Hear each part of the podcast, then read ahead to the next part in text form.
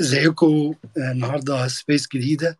كنت أنتوا اخترتوا الموضوع اللي هو إزاي ننظم وقتنا. فلو ده خل لسه جديد في اتنين دخلوا. يا ريت تشيروا وتعملوا retweet وتشيروا ال space عشان لو في حد تاني يشترك معانا. ولو في أي حد عنده سؤال يا ريت يقول لي.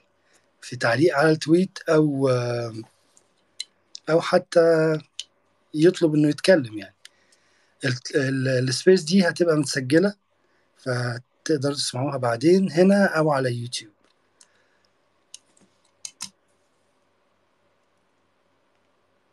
لو في حد عنده أي سؤال يا ريت يقول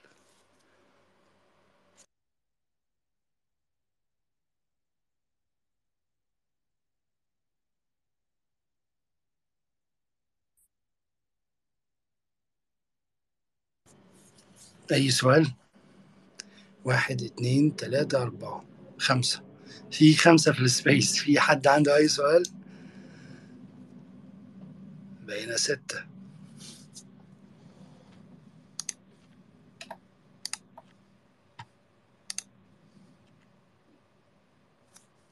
مستني أسئلتكم. أنا مش هنبدأ نتكلم إلا مع عدد يعني يدخل والناس تبدأ تسأل عشان نتكلم شوية عن موضوع تنظيم الوقت ده.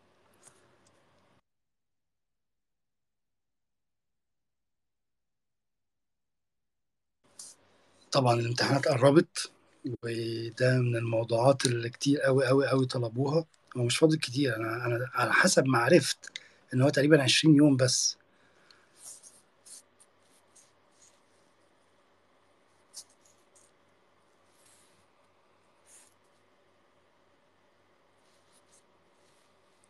اتفضل يا عمر. أو لا سوري اتفضل يا عصام. عليكم السلام. عليكم السلام. والله يا أستاذ وليد إحنا عندنا مشكلة كبيرة وهي مشكلة التسويف. يعني أيوه. إن إحنا عايزين نعمل كذا حاجة وحاجات كتير بس المشكلة اللي إحنا بنضغط على نفسنا زيادة عن اللازم لدرجة إن إحنا ما بنعرفش ننجز أي حاجة.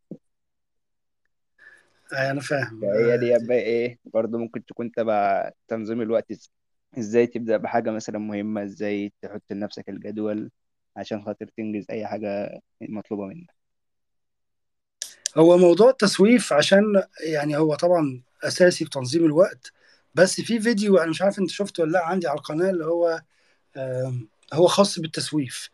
هبقى هبقى أنزله في tweet بعد ال space على أساس تتفرج عليه ولو برضو لسه عندك أسئلة ممكن أبقى أجاوبك. بس هو مش عايز تسوف يبقى تبدأ ببسيط. يعني أنت دلوقتي آه، طبعا هي الاختيارات كتير والواحد بيتلخبط وبيلاقي نفسه عايز يعمل 100 حاجة في نفس الوقت.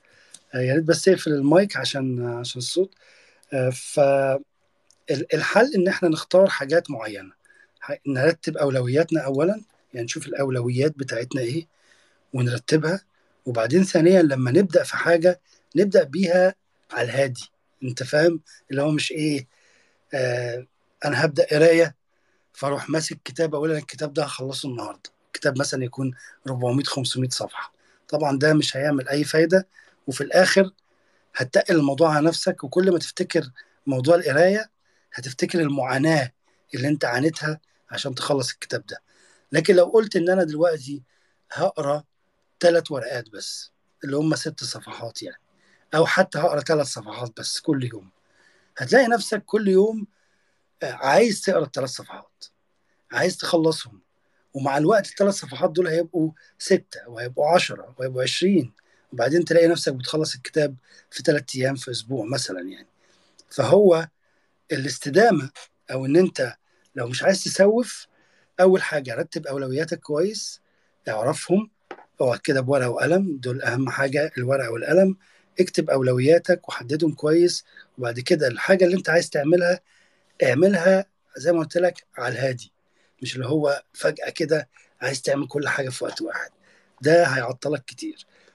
آه كمان حاول يعني حاول تخلي ال ال لو انت عندك مثلا وليكن آه مش قادر تعمل حاجة قاعد مش قادر تعمل أي حاجة مش عايز تعمل أي حاجة اعمل أنشطة أو حاجات تانية ملهاش علاقة بالموضوع بس بسيطة.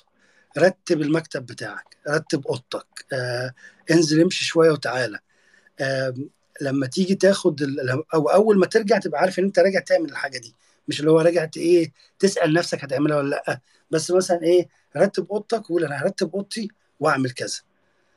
لأن المشكلة بتاعت التسويف إن هو آه، طيب أنا هعمل بس مش دلوقتي. لكن لما تدخل نفسك في نشاط تاني وبعد كده تلحم في النشاط اللي بعده اللي هو النشاط الأساسي هتلاقي نفسك عملت الحاجة اللي أنت عايزها. وليكن مثلا عايز تصور فيديو زي أنا كده مثلا. بس بصراحة مش قادر اقوم من مكاني اصور الفيديو.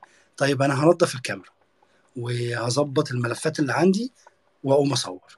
فربطت حاجة آه يعني فعل صغير بالفعل الكبير. اول ما اخلصه هقوم اكمل تصوير. بس أنا متهيألي دي دي اهم حاجة دي اهم دي اهم خطوات أو البداية ولو شفت الفيديو بتاع التسويف على القناة عندي هيفرق معاك كتير جدا. شكرا عصام. نشوف آه، ثانية واحدة. مين باعت في عندنا؟ آه عمار. اتفضل يا عمار.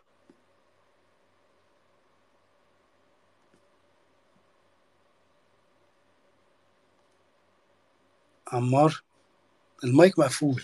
لو انت بتتكلم ومش واخد بالك المايك مقفول. السلام عليكم. وعليكم السلام ورحمة الله وبركاته. ازيك؟ عامل ازيك يا إيه؟ أستاذنا؟ إيه الأخبار؟ منور يا باشا. الله يكرمك.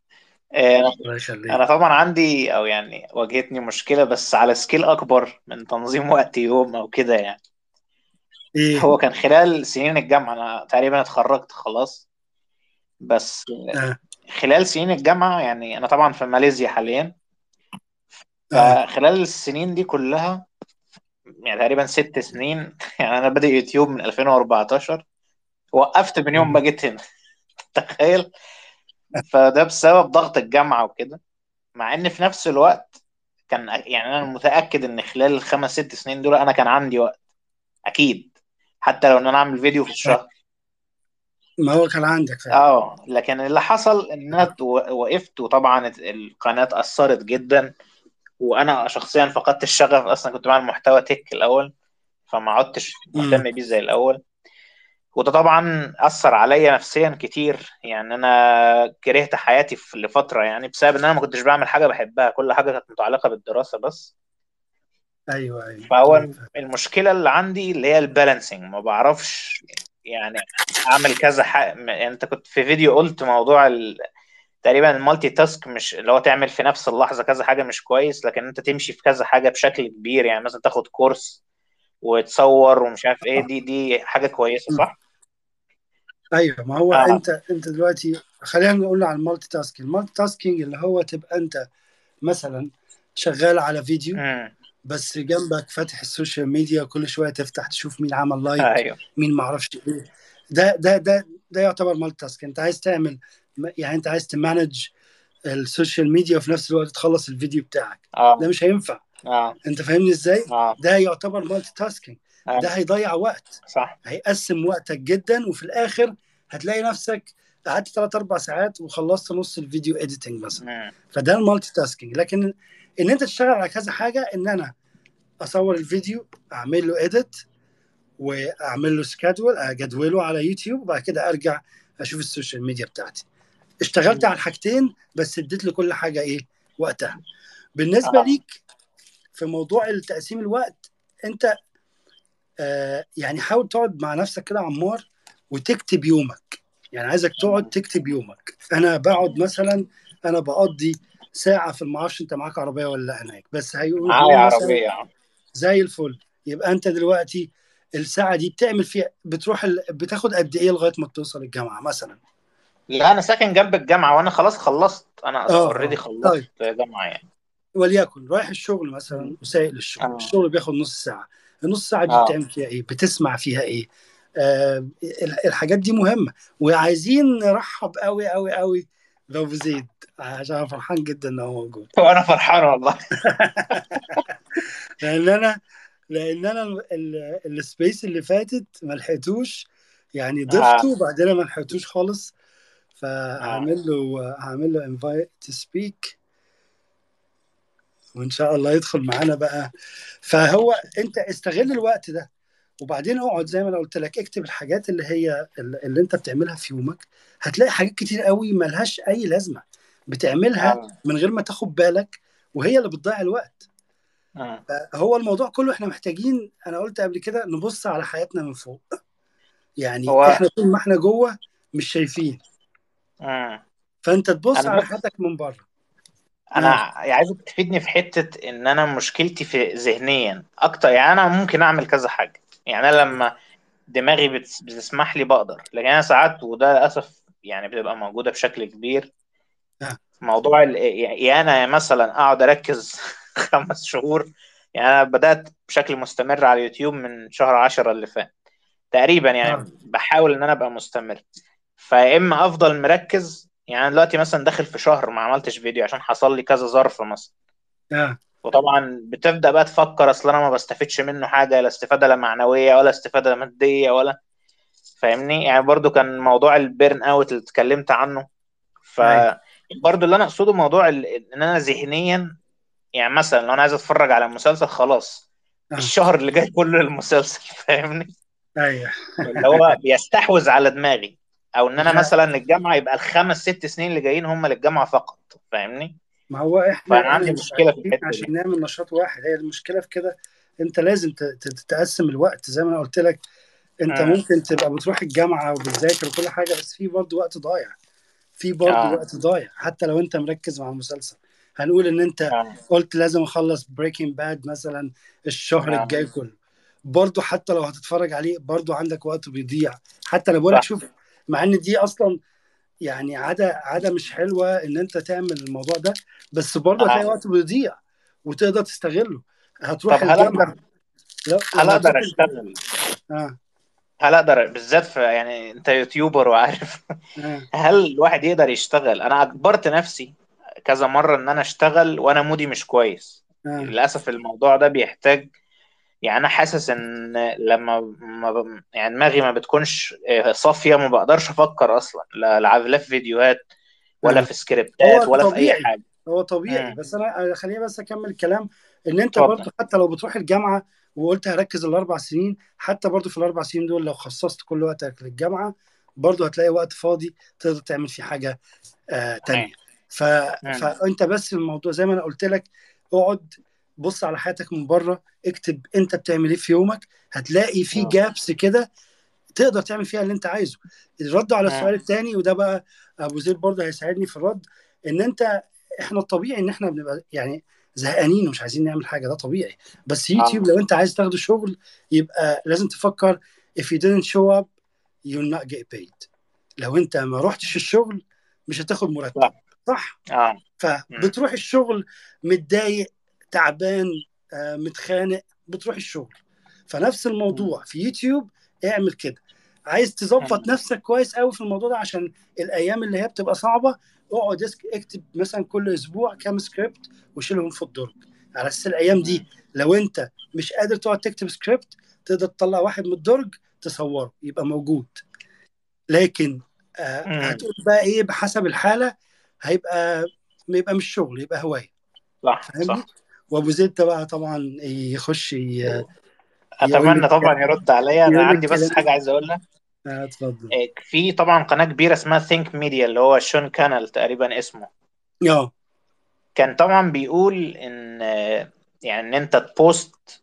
هو طبعا بالنسبة لوضعي أتوقع فيديو في الأسبوع قليل.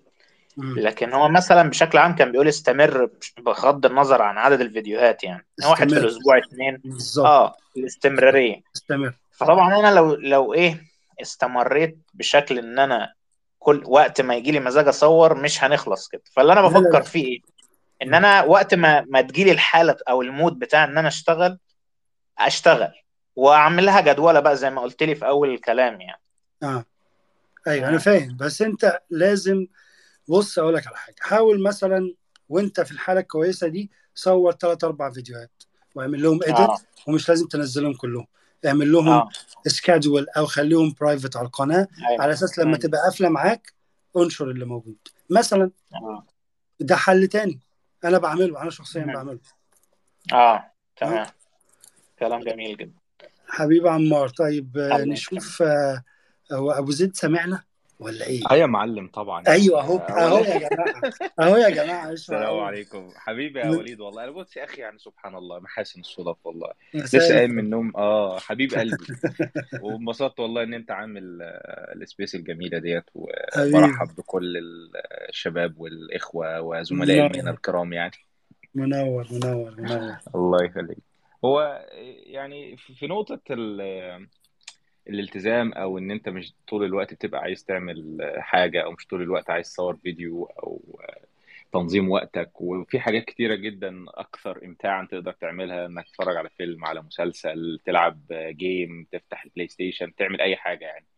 وده الوضع دايما يعني وده أي حد بيقابله بشكل يومي يعني. الفكرة يعني عايز سمعت معايا بصراحة في في موقف افتكرته وهو قبل ما اتجوز.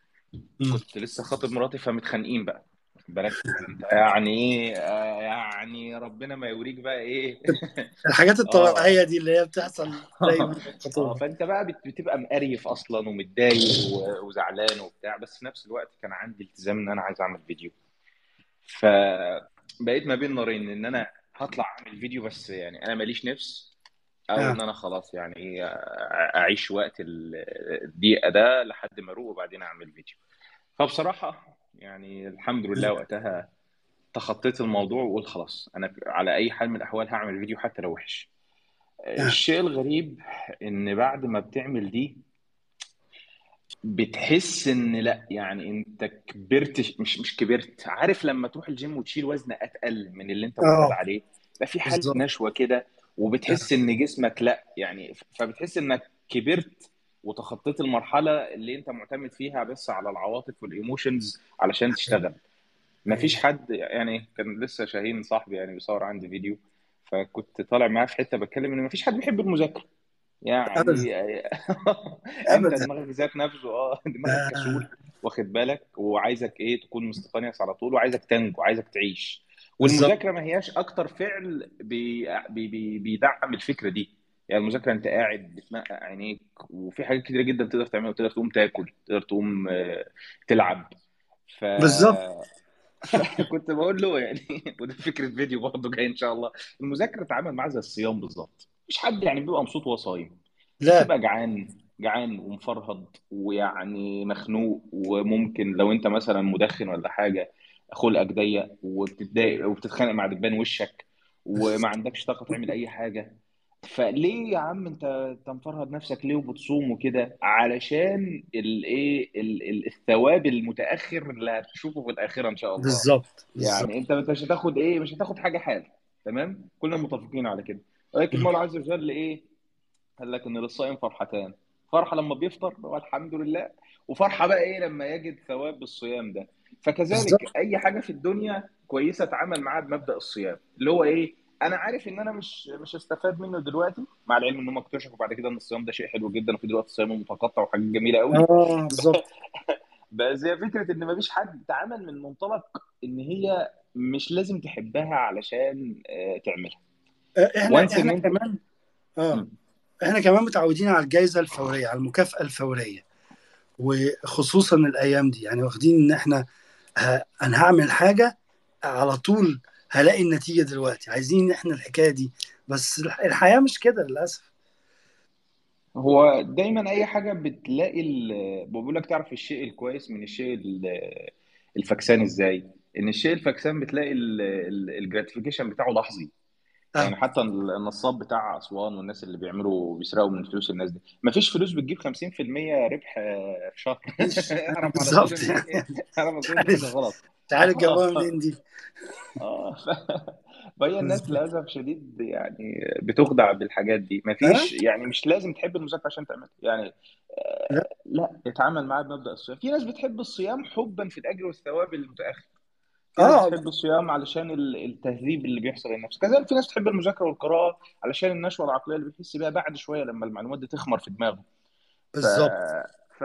فهي ال- ال- الموضوع كده يعني. وفي برضو مصطلح جديد مش عارف بدأت أسمعه كتير وهو بدل من إدارة الوقت إدارة الطاقة لإدارة المهام. إن أنت بتشوف طاقتك على مدار اليوم عاملة إزاي وتحط المهام الصعبة وقت ما تكون اكسايتد ومتحمس وتحط المهام الروتينية وقت ما تكون إيه أنت بتمر بفترة إيه خمول شوية. مثلا زي الر- الرد على الإيميلات مثلا خليها فترة الخمول. آه. آه، ال- ال- الشغل المهم خليه وأنت متحمس كده وشارب قهوتك ودنيتك آه، كويسة يعني. بالظبط أنا بعمل كده يعني. أنا مثلا الصبح وهو على فكرة قريب جدا من موضوع آه، كل الضفدع. يعني أنا أنا آه الصبح آه بالظبط. آه يعني أنا الصبح أول حاجة بشوف إيه ال- إيه الحاجات اللي هت اللي ممكن يعني إيه ما أقدرش أشتغلها وأنا متضايق أو أنا تعبان أو في نص النهار وأعملها أول حاجة أول ما أصحى آه إذا. كنت بكتب محتوى إذا كنت بطلع report إذا كنت بعمل presentation لحاجة إذا كنت الكلام ده بعمله الصبح أول ما أصحى وبعد كده بقى الحاجات العادية بتاعت إيه أملى ال time sheet أعمل ما أعرفش إيه. دي بقى وأنا إيه قاعد بسمع أغاني بسمع بودكاست ومش مش محتاجة تركيز كبير ولا محتاجة مجهود عقلي كتير يعني. فهو هو إدارة الوقت زي ما أنت قلت أنا ماشي بالموضوع ده من زمان آه إن أنا بدير الوقت على حسب أنا حاسس بإيه. مش آه لازم أنا من تسعة لسبعة من تسعة لعشرة هعمل كذا ومن عشرة لكذا الموضوع ده جربته معايا وما نفعش بصراحة خالص فشل تماما. هو في ناس بتجرب حاجات كتيرة ومش شرط إنها تشتغل معاها يعني آه. كنا عملنا بودكاست مع علي محمد عادل ربنا يبارك له. آه، آه اللي هو 14 14 طريقة. في 14 طريقة لإدارة المهام مثلا أو آه. الإنجاز عامة. جرب و... و... واللي تمشي معاك كمل فيها وحاول تنوع. وفي نفس في نهاية المطاف هتلاقي إن أنت إيه بتعمل mix كده من الحاجات دي مع بعضها. بالظبط. يعني آه، هي فكرة إن أنت إيه ظروفنا مش زي بعض أوقاتنا بس مش زي بعض طاقتنا آه. مش زي بعض. فأنت اختار ما يناسبك يعني. وبعدين التنوع ده أنت تقدر تعمل كمان mix and match يعني لو انت تاخد من هنا الحاجة الحلوة وتاخد من هنا الحاجة اللي عاجباك وتعمل أنت أسلوب تاني يمشي معاك. ليه لأ؟ طالما الأسلوب ده بي بينفعك. آه، طيب آه، كان كان كان برضه آه، عمار كان كان كان بيقول على موضوع يوتيوب طبعا طالما ذكر يوتيوب يبقى أحمد أبو زيد لازم يتكلم في الموضوع. ما ينفعش نسيبه. ما ينفعش نسيبه يمشي كده. آه انت انت من رايي أحسن YouTuber موجود موجود يعني مش مش في مصر في في العالم العربي كله. والله العظيم ما مجاملة. وانت عارف يعني إحنا بنتكلم وانت الله يعزك يا أخي. الله يعزك بجد يعني. فهو كان برضه هو بيتكلم على إن آه، بقاله كتير على يوتيوب ومفيش نتيجة أو النتيجة قلت. بص يعني هو أنا كنت آه، سمعت كلامه عن شون بتاع Think Media وفكرة اللي هو إيه اقعد انشر آه. انشر انشر بغض النظر ما فيش مش شرط تثبت ميعاد وكده. هو يعني ده راجل عنده تيم وبيتكلم من منطلق إن إنتاج المحتوى آه بتاعه مش مش بالصعوبة اللي ممكن تواجه شخص self independent كده إيه بيعمل بالظبط. كل حاجة بنفسه بيقاوح بيجرب بيعمل DIY علشان يظبط الإضاءة والحاجات دي. عنده فأنا بن... آه بالظبط عنده ما شاء الله تيم كبير يعني آه فمن وجهة نظري لأ يعني بالنسبة لحد لسه بيقاوح حاول تثبت ميعاد. وحاول ت bulk ت bulk produce زي ما وليد قال كده اللي هو إيه اعمل لك أربع فيديوهات بتوع الشهر ده أو لو أنت حابب تعمل فيديوهين في الأسبوع وده اللي هو الأفضل يعني مم. فاعمل لك الأربع فيديوهات بتوع الأسبوعين دول ومنتجهم وظبطهم كده وإيه و upload و schedule ويبقى أنت كده قضيت ما عليك هيحصل لك حاجتين أول ما تعمل الحركة دي اولا هتحس براحة يعني أنت. هتحس كده إن أنت إيه آمن هتحس إنك عارف أنت لما تذاكر وبعدين تطلع تلعب كورة بتبقى أحلى لعب كورة في حياتك. آه، الحاجة التانية إن أنت هتلاقي أفكار بدأت تجيلك لأنك بدأت بدأت تكون هادي ومستقر ومزاجك معدول بخصوص اليوتيوب هتلاقي في أفكار كتيرة سيل من الأفكار عمال تجيلك. حقيقي أفكار لفيديوهات أفكار لحاجات تعملها. آه، الشيء الجامد بقى هنا إنك حاول تكابتشر أو حاول تلقط الأفكار دي بسرعة بس لا، حاول تعود نفسك على كتابة الأفكار اللي بتجيلك لأن للأسف الشديد إحنا عندنا ثقة غير مبررة في دماغنا إن هو. إيه هيحتفظ بكل الأفكار اللي هتجيلنا وده ما بيحصلش للأسف الشديد لا لا خالص أنا كنت من يومين كده قلت أنا هتابع يعني هراقب دماغي بجد والله آه، قلت هراقب دماغي وأشوف أنا كام فكرة بتضيع مني ف. فبقيت إيه أول ما تيجي الفكرة في دماغي أت يعني إيه أ- يعني بتعمد إن أنا أخش في موضوع تاني وأشوف نفسي هفتكرها بعدها بشويه ولا لأ. بلاقي نفسي خلاص راحت مني. أنت يعني بتنسى هو أصلا اللي جت لك الفكرة. آه يعني أنا يعني نسيت. الفكرة. آه مع إني كمان مركز إن أنا لازم أتابع الفكرة. مع ذلك الفكرة. بتجيلي وبعد كده إيه أقول طيب خمس دقايق وهرجع لها تاني. ألاقي نفسي بعد الخمس دقايق دي بقى عندي فكرة تانية وثالثه ورابعة ولا واحدة منهم موجودة. لذلك دايما الورقة والقلم أو التليفون موجودين. تيجي الحاجة أنا ساعات ببقى بنده يعني أروح نادها على سيري سيري سجلي كده. من بعيد. لأن جدا. آه لأن أنا أنا ده دي, دي الطريقة دي في الحمام عظيمة على فكرة وأنت بتاخد دش. لا والله يعني ما شاء الله حاج وليد ده مستوى عالي من ال self awareness إن الإنسان يقعد يراقب أفكاره يعني أنت بتوصل لمرحلة اللي أنا هو أنا ليه جيت للفكرة دي حالا؟ طب ليه آه. لا يعني أنا أحيانا والله يعني بصراحة دي من ال mental إيه يعني حالة من النشوة العقلية الواحد بيوصل لها لما يبدأ ي track هو أنا وصلت هنا إزاي؟ فتبدأ ت- إيه تاخد الموضوع بقى آه backwards اللي هو أنا آه عشان فكرت في كذا وفكرت في كذا وفكرت في كذا. متابعة نمط تفكيرك ده بشكل ما ممكن يساعدك فيما بعد إن جدا أنت إن أنت ت- ت- ت- تعيش حياة أحسن بصراحة يعني آه. لأن آه. دايما أحزانك ومآسيك في دماغك. آه، بالظبط. آه، بعدين حرفيا يعني. لما تبقى اوير فعلا زي ما أنت قلت يعني أنا بعمل الحكاية دي لأن أنا لقيت نفسي في حاجات كتيرة قوي أنا طبيعة دماغي ممكن وأنا قاعد وأنا بكلمك دلوقتي يكون جالي مثلا خمس أفكار لفيديوهات أو لمقالات ولا فاكر واحدة منهم دلوقتي عشان أقولها بالظبط. هي دي طبيعة دماغي. دماغي بتشتغل بالطريقة دي. فلو الورقه والقلم مش معايا وما بكتبش حتى ولو كيس كده اللي هو كلمة كلمتين خلاص يبقى أنا عمري ما هرجع لها تاني. فيا ريت الناس تعمل الموضوع ده. أنت عملت حلقة عن الورقه والقلم وأنا حتى. في في الحلقة بتاعة تنظيم الوقت قلت أهم حاجة يكون معاك ورقة وقلم. بغض النظر بقى انت بتعمل إيه ولا الفكرة شايفها هايفة ولا صغيرة ولا اكتب على طول كل اللي بيجي في دماغك لأنه مش هيرجع تاني. صح. مش هيرجع تاني. وأنا عايز أقول لك إن الفكرة دي من ساعة ما بدأت أتبناها حرفيا بقى عندي مخزن من الأفكار للفيديوهات معتمد عليه وما عنديش ضغط إن أنا لازم أطلع بفكرة جديدة الفيديو آه. الجاي. فانت بتلاقي إن العجلة بدأت تدور معاك وبتلاقي إن الموضوع بقى أسهل بكتير من إن إيه اللي هو فيديو الفيديو بفيديو المرة ببرتها زي ما بنقول عندنا هنا اللي هو إيه بنصحى آه. نشوف الكلام على إيه كل يوم. بالظبط. فبتلاقي إن هو مريح على المدى البعيد الصراحة يعني. آه أنت كأن عندك فهرس بتاع كتاب. صح. بتخش تنقي منه موضوع آه صدق ده حلو قوي تروح مسجله. تروح كاتبه. أو بتقعد تقعد كده إيه تقعد لك يوم تقعد تكتب سكريبتس وتخليهم جاهزين لأي طوارئ أو تسجل زي ما قلنا آه، أربع خمس فيديوهات وخليهم في الدرج. مش لازم تنزلهم دلوقتي خليهم للوقت اللي انت مش قادر تصور فيه ولا قادر تعمل فيه اديت يعني حاجات الترتيب ده مهم جدا. تنظيم الوقت مش بس آه مش بس من 10 ل 11 هعمل كذا لكن إزاي تمانج الموضوع كله وتحط لنفسك آه آه slots لل للحاجات اللي عايز تعملها وت- وتحط في دماغك إن أنت في أوقات هتبقى down ومش قادر تعمل حاجة فلازم يبقى عندك backup للأوقات دي. بالظبط. وتقبل وتقبل ده جدا. أنت مش لازم تكون أنت بني آدم. الوقت يعني. آه أنت بني آدم. آه أنا بصحى الصبح ساعات يعني ب... يعني أنا لما كنت في في دبي كنت بقف قدام الأسانسير ببص للناس كأنهم هم اللي صحوني أنت فاهم؟ يعني مش عايز مهم. أكلم حد وبيبقى يوم صعب جدا وما بصورش حاجة ما بكتبش حاجة وبروح الشغل زي ما باجي. وفي أيام ببقى صاحي زي البط بيغطس ويعوم أو بعمل بالظبط. الشغل. كله كلنا آه في حاجات كتير قوي بتت- بتتحكم في في المزاج بتاعنا ولازم نكون مستعدين طيب إحنا عندنا اتنين ريكوست هنشوف آه، هو عمار عايز يتكلم تاني؟ طيب هشوف رأفت وبعد كده أرجع لك عمار. شوف سؤال آه، رأفت.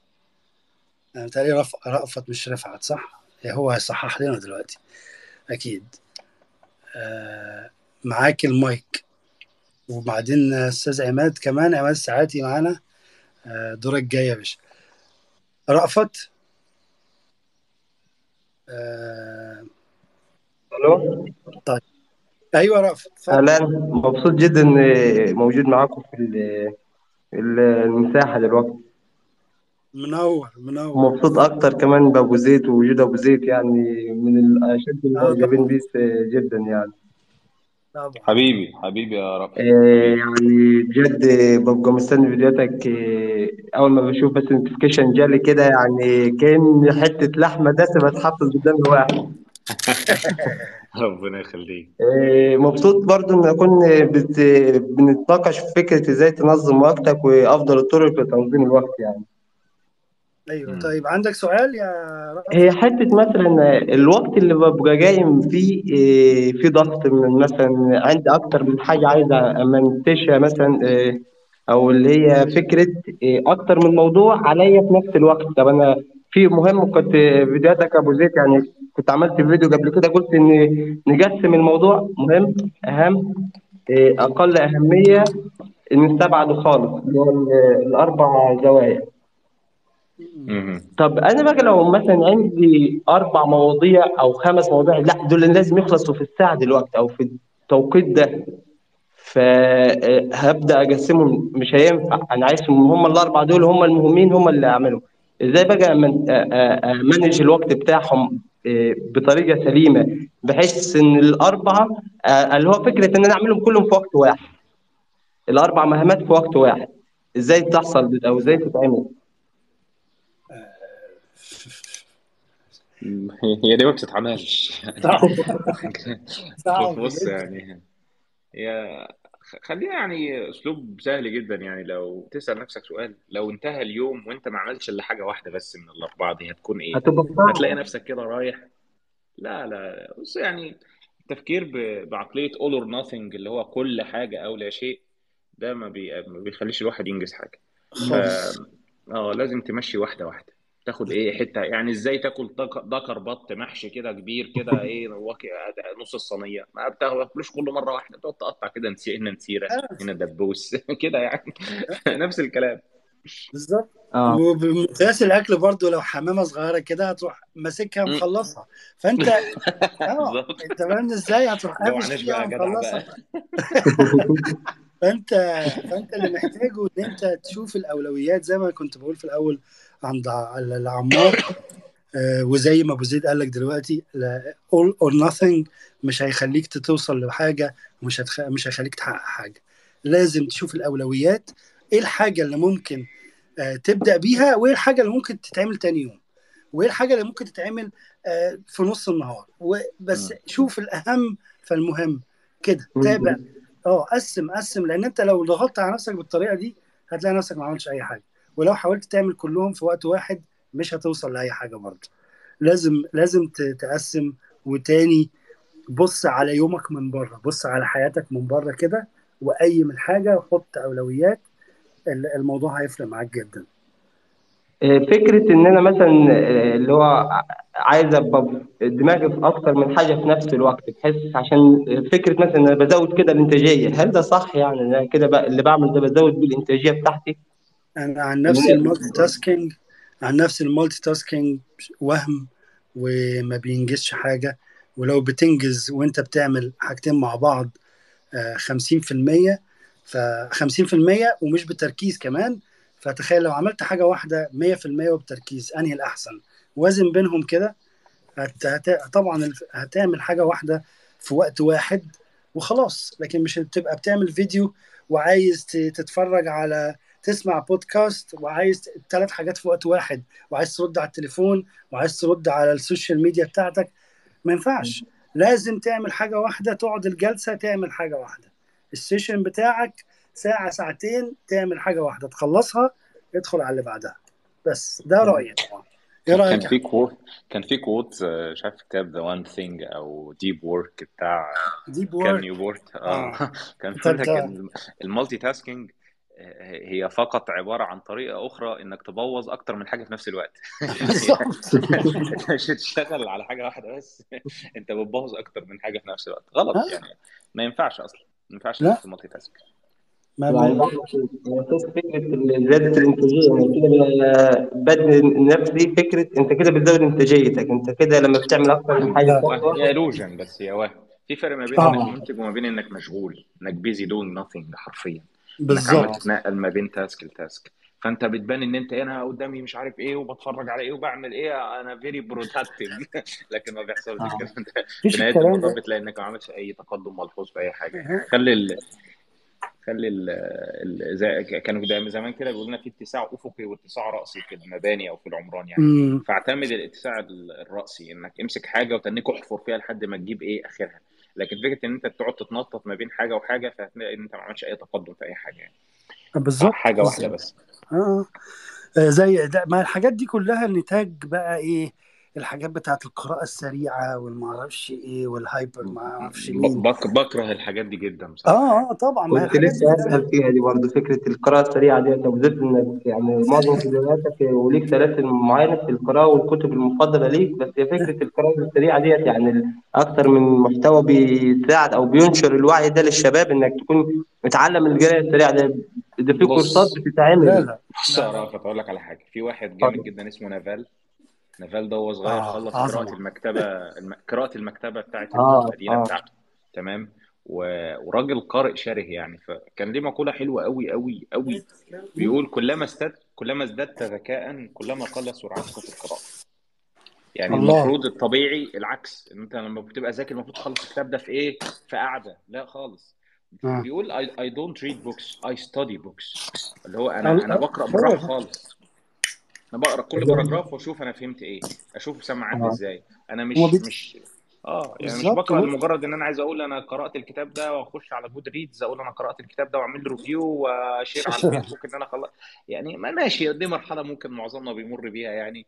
myself included اللي هو أنا عايز أبان إن أنا قارئ آه، ومثقف. آه، وجامد زحليقه بس بعد شوية بتلاقي الله طب أنا ما ماشي وبعدين؟ ما أنا مش فاكر أي حاجة. عامل زي سلق البيض كده. اللي هو فين بسرعة الاستفادة. آه أنا يعني أنا الواحد بيقرأ كتاب يعني أنا في كتب قريتها أربع وخمس مرات نفس الكتاب. ليه؟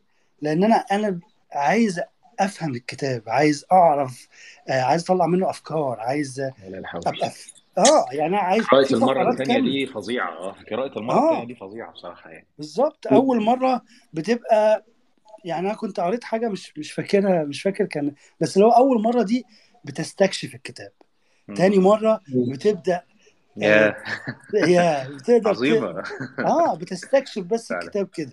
بعد كده تاني مرة بتبدأ تفهم ال- الدنيا ماشية إزاي وال- والبناء بتاع الكتاب وتلاقي الفصل ده مرتبط بده والفقرة دي اللي قريتها في في الفصل العاشر آه دي تصدق بتفسر ال- اللي كانت في الفصل الثاني تبدا تفهم الكلام ده وبعدين تالت مرة وانت بتقرأ والورقة بالورقة والقلم بقى وبتبدأ تكتب نوتس وتعلم وتشخبط على الكتاب خلاص انت كده بقيت انت مؤلف الكتاب زيك زي مؤلف الكتاب بالظبط ويمكن أكتر كمان.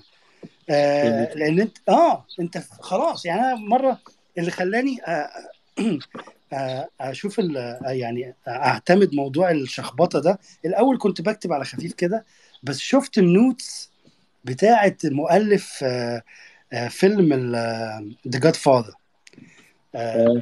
شفت ال notes بتاعته الكتاب بيتباع لوحده كده كتاب بال notes حاجة يعني انت تقرا النص تقرا القصة عادي لكن تقرا ال notes دي قصة تانية خالص بتفسر لك حاجات انت ما كنتش تقدر توصل لها إلا آه. بيها. فبرضه تاني الورقة والقلم وانت بتقرا وما تقراش بسرعة واقرا بالراحة و آه آه. خلص الكتاب في شهر إيه المشكلة؟ إيه- يعني هو هو هو مش مش بالكترة مش بالكم لكن الكيف أنت فهمت إيه؟ يعني أنا مثلا قريت ذا ذا art of not giving a fuck وقريت آه، فن اللامبالاه كتابين مختلفين لأن أنا. قريت ده وفهمته كويس قوي وقريت ده وفهمته كويس قوي. تحس إن أنت بتقرأ كتابين مختلفين تماما. وطبعا للأسف العربي يعني ال ال ال الفكرة بتاعته مش قادره مش قادر يوصلها زي التاني. بس أنت. آه مش هتقدر توصل لده إلا لو قريت بالراحة. يعني ممكن في حد يقرأ الاثنين ويقول هو هو. بس هو آه، بالعكس أنت لو قريت بتركيز وبالراحة هتحس فعلا إن كل واحد فيهم الترجمة غير الأصلية خالص. الحاجات دي مش هت... مش هتعرفها إلا بالقراية البطيئة وبتركيز لازم. لازم. تمام طب آخر حاجة بنقول كده. لو في التوقيت ال- أو في الوقت اللي جاي ده مستغل ال- الوقت في قراية كتابي أو ترشيح لكتاب معين كده. إيه، للعلم إن ريتش داد بالذات والعادات السبعة للناس الأكثر فعالية والمراهقين دول قريتهم برضو. فإن أنا بشوفك دايما يعني هم ال- ال- الكتابين اللي بتركز عليهم الأول مع الشباب يعني هم يقروه okay ممكن تشوف العادات الذرية يعني. العادات الذرية كتاب رائع لجيمس آه، كلير يعني. جدا. my number 1 recommendation آه والله الواحد دماغه دماغه اتغيرت بسبب الكتاب ده والله العظيم. ممكن نشوف عماد أو آه عمار بقى أو نشوف عماد لأن إحنا جدا يعني سريعا سريعا كده. الله آه يكرمك. شكرا يا آه، رافض عماد. عماد. هو عماد عماد طلع. آه، اتفضل. استنى أنا هبعت لعماد لأن عماد آه، كان باعت. أنا بعت لعماد. وشكرا يا رأفت. شكرا لك عماد بعت له فهو لما ي... أهو عماد وصل. السلام عليكم. معلش تاخرنا عليك يا ولا عماد يهمك ولا يهمك. أستاذ أستاذ وليد منور وأستاذ أبو زيد حبايبنا منورين إن شاء الله. ملك بيك. الكتاب الإبداعي وأحلى يوتيوبر. أنا كنت كان عندي سؤال بالنسبة للاستاذ ابو زيد لما يكون عندك كورسين أو كتابين بوقت واحد أنت بالعاده بتعمل هاي الشغلة يعني بت- بتمشي بكورسين أو كتابين بوقت واحد.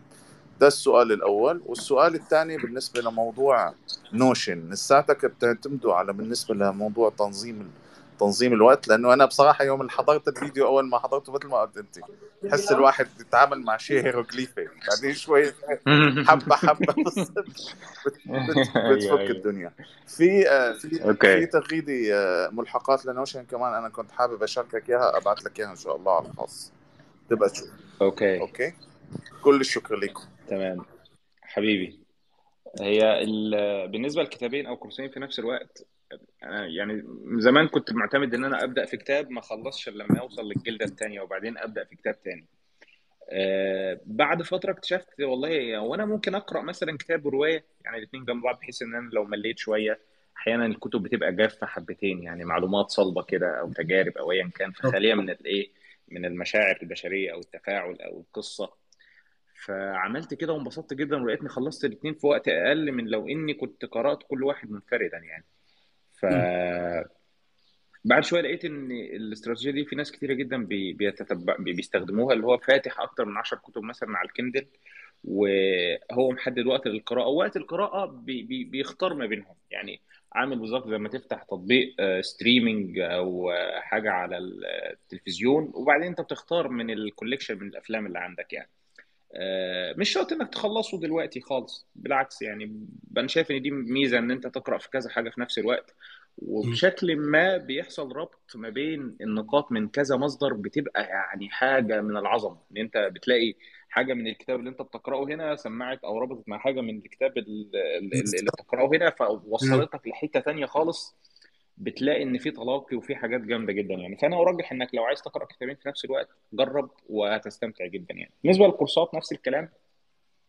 بس زي ما قلت لك يفضل إنك تكون محدد وقت ثابت تلتزم بيه قدر الإمكان قدر الإمكان يعني. علشان ما إيه بدل ما أنت كورس أو كورسين ما يبقاش كورسات خالص يعني. فدي نقطة مهمة. آه، بالنسبة ل Notion بص هي Notion ال learning curve بتاعها حاد شوية. ما هياش سلسة ما هياش سهلة. ما هياش الحاجة اللي ساعة ما تفتحها تفهم إيه آه والله ده أنا زي. Google Keep كده أو Apple Notes أو الحاجات دي مش محتاج حد يشرح لك لا. هي هي Notion أنا قعدت مثلا معسكر مغ- مغلق كده إيه أسبوعين علشان أفهم وأستوعب الكلام على إيه. يعني عشان فكرة بس فكرة ربط two databases أو قاعدتين بيانات أو جدولين مع بعض. قعدت مثلا في قناة الأستاذة ماري بولين أسبوعين. عمال إيه أفر القنوات كده على ال autoplay وأشوف هي بتعمل إيه وال weekly agenda وال monthly goals والمش عارف ال quarterly review كل الحاجات دي علشان أفهم هي بتعمل إيه.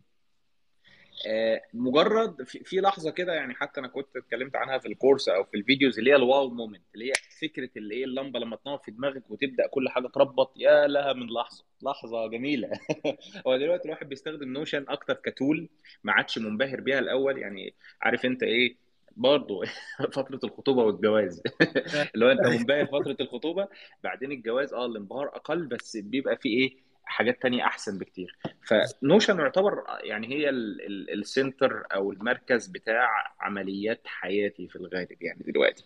شغلي الدروس اونلاين كله على Notion معظم ال journaling على Notion آه ال notes أو الحاجات دي بينتهي بها المطاف ك projects أو ك videos على Notion فهي فكرة إن أنت قادر تربط الدنيا ببعضها للأسف الشديد إحنا ما حدش أصلا علمنا ناخد notes في البداية أصلا. يعني ما إحنا عشان عشان تقول للواحد مثلا نعمل to-do list ورقة وقلم في ورقة نتيجة صغيرة كده ده بالنسبة له ده إنجاز عظيم.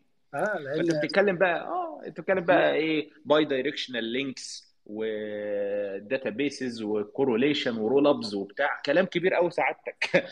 بس هو كلام قوي جدا. بصراحه آه ومفيد جدا جدا جدا. بس لما بتبنيه يعني لما آه. بتبنيه خلاص. لما بتحط الأساس بتاعه شكرا. أنت في في templates في templates جاهزة. آه. بس أنا بصراحة من الناس اللي بعتمد إن أنا أبني الحاجة بإيدي عشان أبقى فاهم كل حاجة شغالة إزاي. آه. أنت لو تفتكر آه اللي كان. على ال group زمان أول ما أنت عملت الجروب كنت شاركت ال- ال daily tasks بتاعتي حتى مم. كنت برضه أنا يعني أنا عرفتها آه، بالتجربة. فهو مم. هو Notion محتاج محتاج تجرب محتاج تشتغل بنفسك. هيفرق معاك جدا. أنا بصراحة قيمة Notion بالنسبة لي إنها علمتني أصلا systems تطبيق عملي لل systems إحنا كنا بنسمع عن systems دي بشكل نظري زي ال GTD وزي ال PARA وزي مش عارف إيه.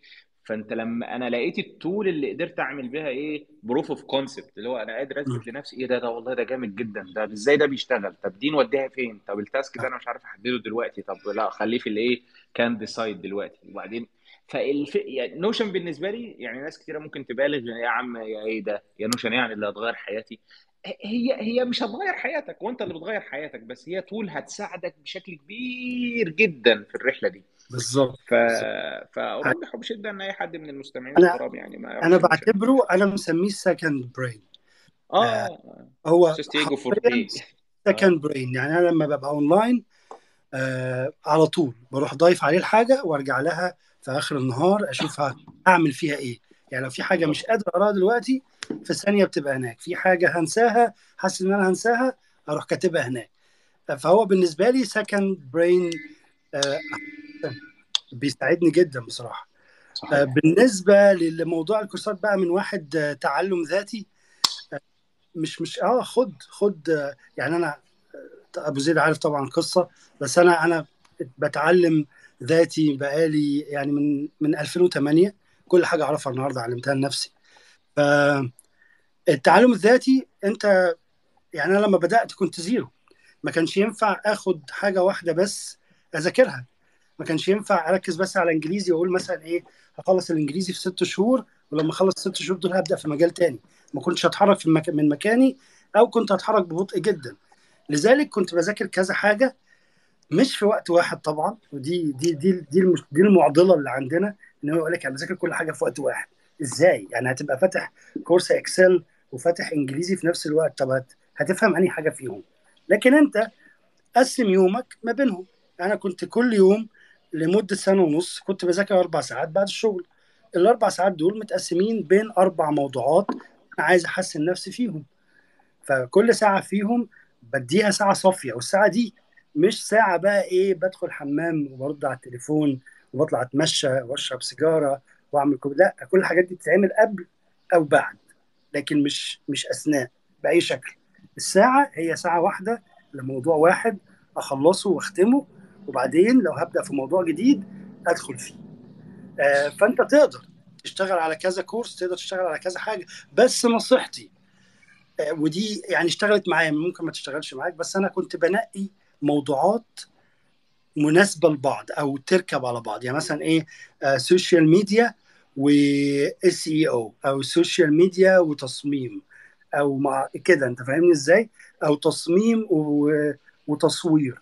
فكنت بحاول أخلي الموضوعات اللي هذاكرها في نفس اليوم مرتبطين بشكل ما ببعض. دي نصيحتي. طيب آه، بس في تغريدة أنا كنت حابب آه، أبعتها للأستاذ أبو زيد. شوف مع الطريقة اللي ممكن يشوفها يبقى يشوفها إن شاء الله. ماشي؟ ممكن تبقى تعمل له منشن في في التيم اعمل لي. منشن بالظبط. آه.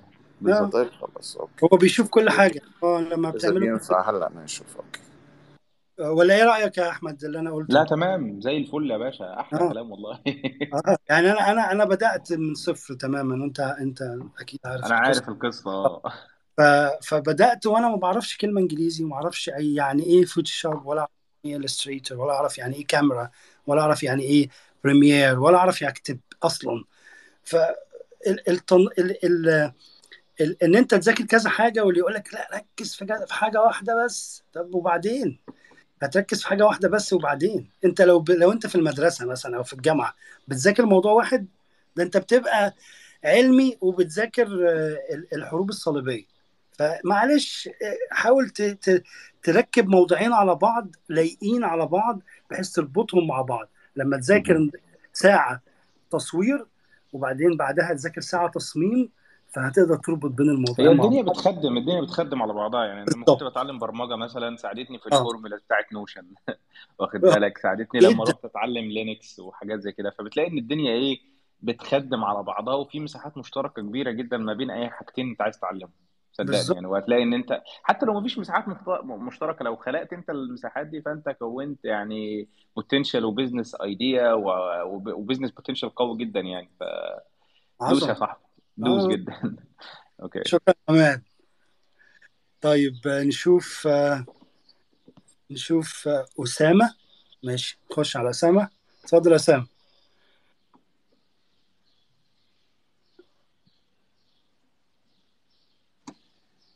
أسامة.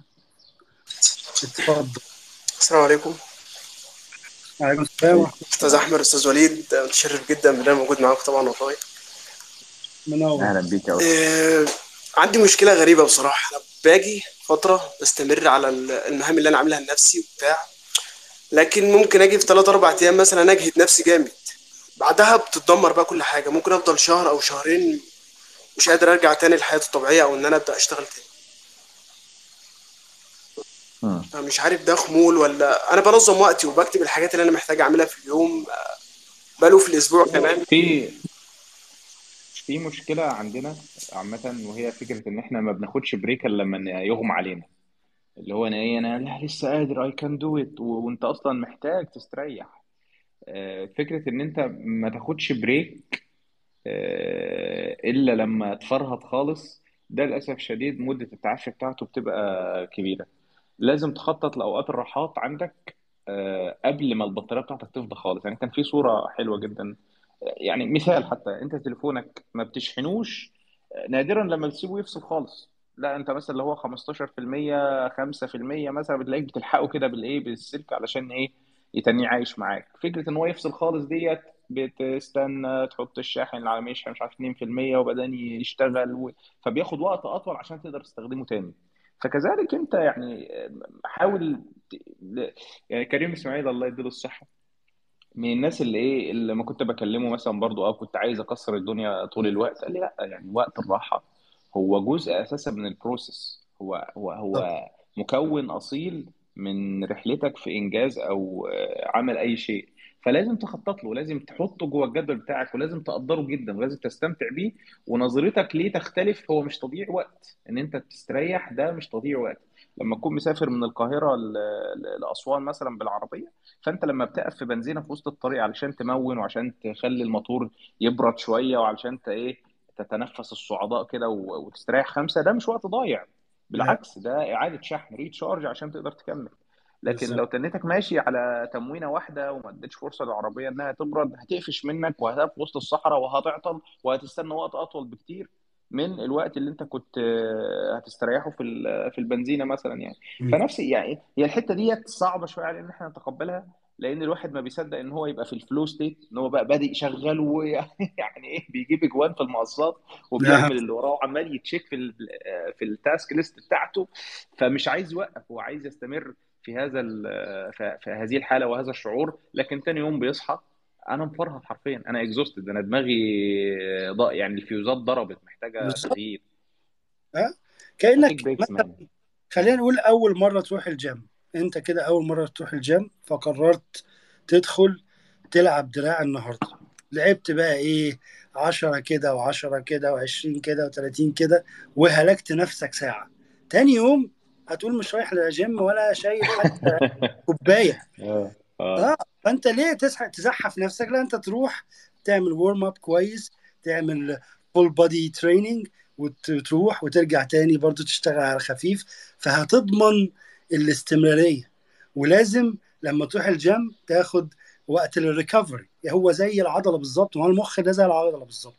لو ما خدتش وقت بتاع recovery وراحة آه، مش هت مش هت مش هتكبر ومش هتبقى أقوى بالعكس هيبقى هتبقى عرضة للإصابة بشكل أكبر. والإصابة هنا عندك هي ال burn out أو الانطفاء اللي بيحصل.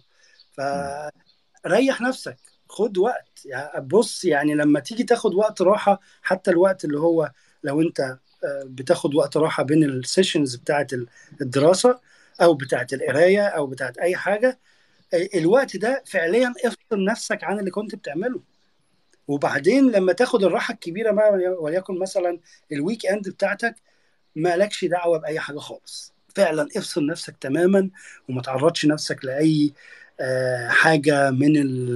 من الحاجات اللي بتعملها طول الأسبوع. علشان ترجع باقي الأسبوع جاهز من جديد زي ما أحمد قال.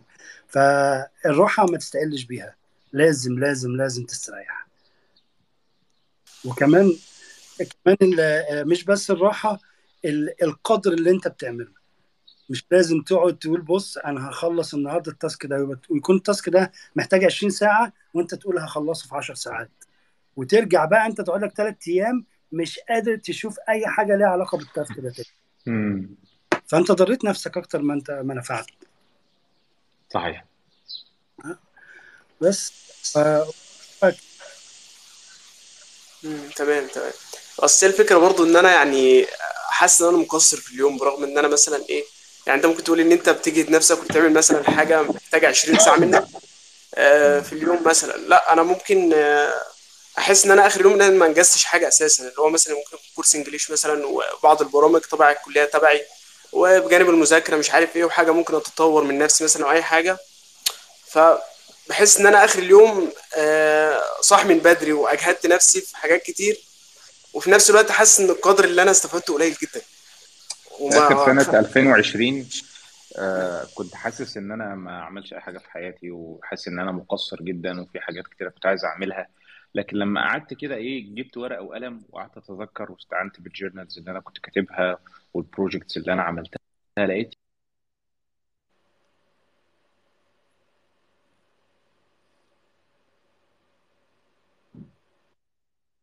الصوت فصل ولا الصوت موجود؟ أنا مش سامع حد خالص فمش عارف الصوت فصل ولا موجود. هو الصوت فصل عند أحمد بس. آه عند أحمد. آه، هو بص إحنا لغاية ما أحمد بس إحنا إن أنت ما بتقعدش تعمل تراك أو تتبع التقدم. طول ما أنت ما تعرفش أنت بدأت وانت فين دلوقتي؟ ما عملتش حاجة. فعايز آه، توصل للمرحلة دي توصل إن أنت في آخر اليوم حاسس إن أنت عملت حاجة اقعد في آخر اليوم اكتب كل حاجة عملتها. واستفدت منها إيه؟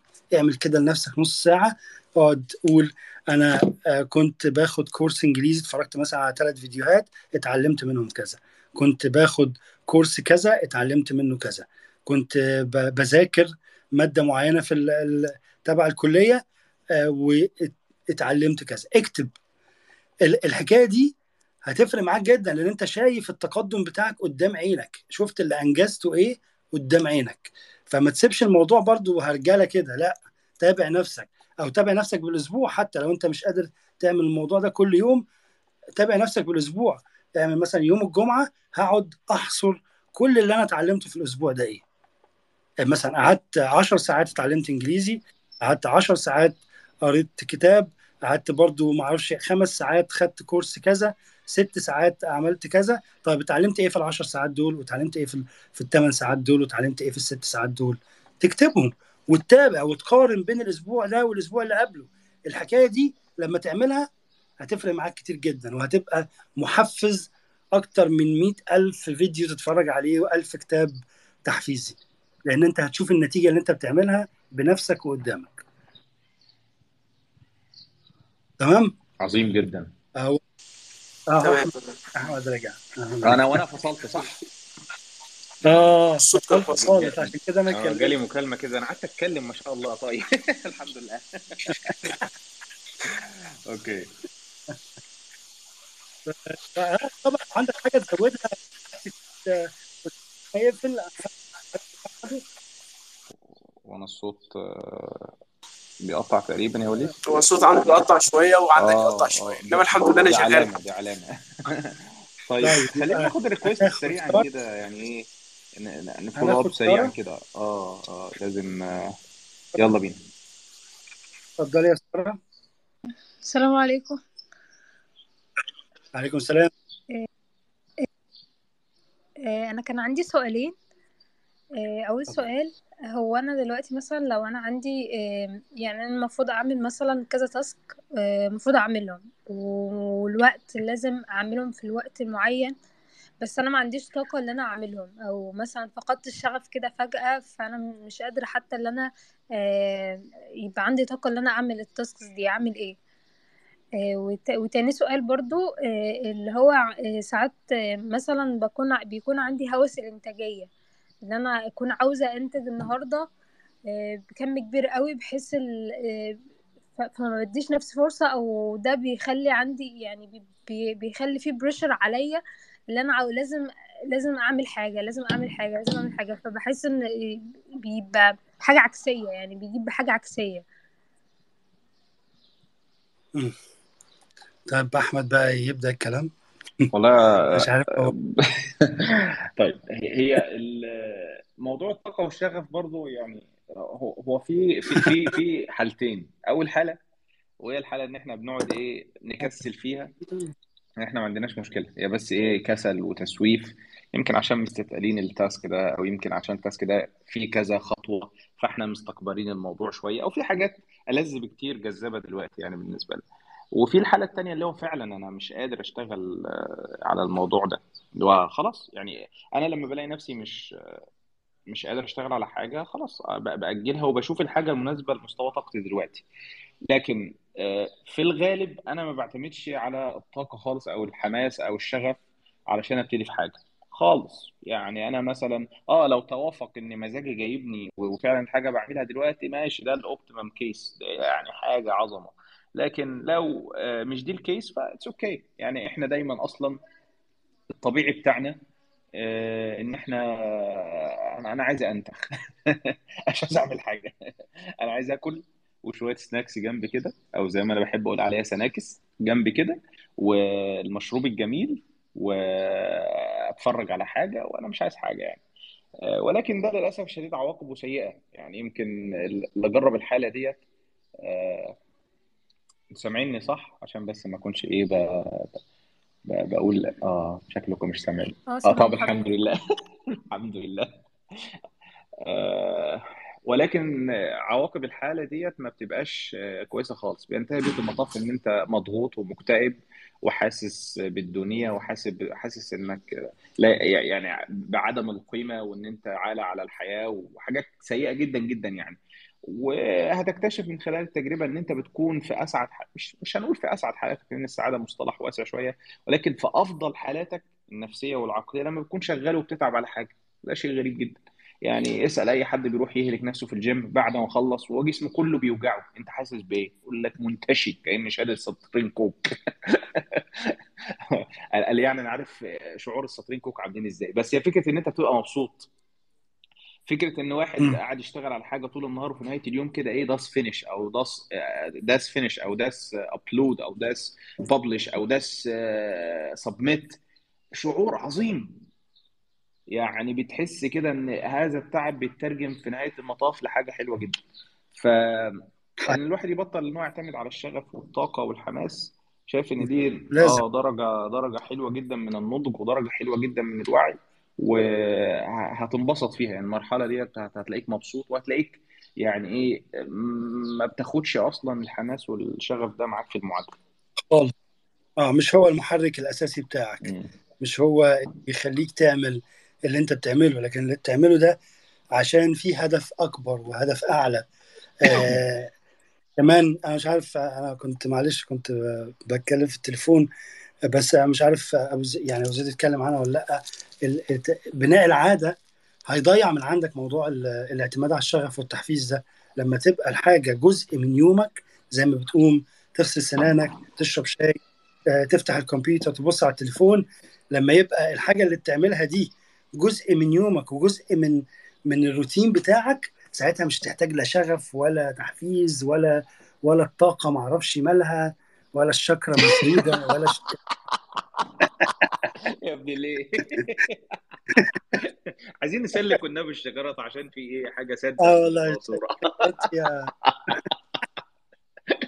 الشكرة بتاعتك معرفش مالها. آه. حاجة يعني مش فاهم. آه ف فهو آه زي ما زي ما زي ما زي ما أحمد قال وأنا قلت ابعدوا عن الشغف يا جماعة. الشغف أنتوا عارفين الشغف بيجي إمتى؟ ما بيجيش في الأول. بيجي بعد. الشغف الحقيقي بيجي بعد. بيجي بعد ما تبدأ تت... بعد ما تتعلم وبعد ما تشتغل ساعتها ال... ال... الاسم الح... ال... الاسم الحقيقي ليه هو إن أنت بنيت العادة. لكن الشغف دي كلمة بتبيع كتب وبتبيع محاضرات ودورات. لكن هي الحقيقي بتاعها إن أنت بنيت العادة وبقى عندك آه يعني بتقدر كويس اللي أنت بتعمله وعارف قيمته وحاطط الأولويات بتاعتك صح. ده اللي بيخ... بيبقى المحرك بتاعك والخطة اللي انت ماشي عليها. لكن آه لكن قبل كده ده مش شغف مش حاجة اسمها شغف أنا مستني شغفي ومش لاقي نفسي. ما حدش هينزل يدور معاك على نفسك. انت بالظبط. آه. بالظبط. الوقت المناسب برضو ما بيجيش. إحنا اللي بنروح. عجبتني قوي الحتة دي والله يا وليد. برافو. هاش آه. آه بالظبط. ما هو أنا أنا بص أحمد أنا كان أنا قعدت 31 سنة مستني الوقت المناسب. تمام؟ إمتى الوقت المناسب جه لما أنا وقفت مع نفسي كده واقفة وقلت لأ أنت لازم تبقى واحد تاني لازم وليد اللي ساب مصر ده يكون وليد غير وليد تاني واحد تاني على باب الطيارة كده. لذلك ده اللي حصل. أنا لو ما كنتش عملت كده وأنا اللي اللي, اللي اللي بدأت وما كنتش ما كانش هيجي الوقت المناسب ولا كان أنا عمري ما عندي شغف ما كان عندي شغف لأي حاجة بعملها ولا بقى أنا أنا بموت في التصوير. لا عادي. أنا التصوير اتعلمته عشان يبقى في المستقبل مصدر دخل ليا. أنا اتعلمت تصميم عشان يبقى مصدر دخل ليا. اتعلمت كتابة عشان آه بحب أشتغلهم آه بحب أشتغلهم بس ما حبيتش أشتغلهم بعد كده مش في الأول. وأنا في الأول كان بالنسبة لي باخد دواء كحة طعمه مر جدا ومش قادر بس لازم أتعالج. في في كتاب حلو قوي لكال نيوبورت اسمه مم. uh, So Good They Can't Ignore You. They Can't آه اللي هو إيه آه. بيتكلم فيه بيبص بقى إيه بي بي بيطلع الشغف كده على المسرح ويفصصه وبيت بيقلعه والله بجد يعني أنا وصلت في النهايه نهار أبيض. أنا فعلا يعني هو هو الشغف بياع يا صاحبي. أنت ساعة ما حد يقول لك إيه follow your passion أو مع شوية motivational music آه. في ال background كده يا نهار أبيض. أنت بتحس إن أنت أنا عايز آه. إيه هكسر الجدار وأروح أشوف ال...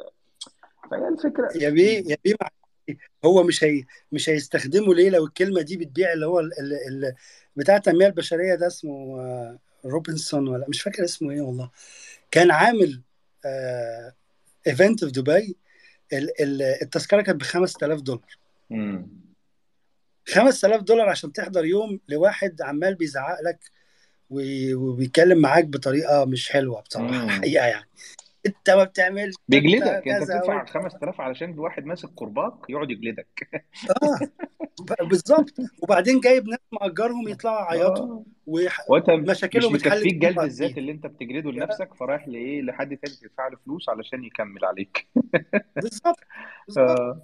وامشي فحم مولع واعمل بقى حاجات بقى. يس. أنا بفكر أعمل الموضوع ده فعلا. جذاب جدا. تصدق هيكسب والله هيفرق معانا جدا. هيفرق معانا جدا. نمشي على الفحم. آه آه، هو هو اللي بدع موضوع الفحم ده. مش أنا نسيت.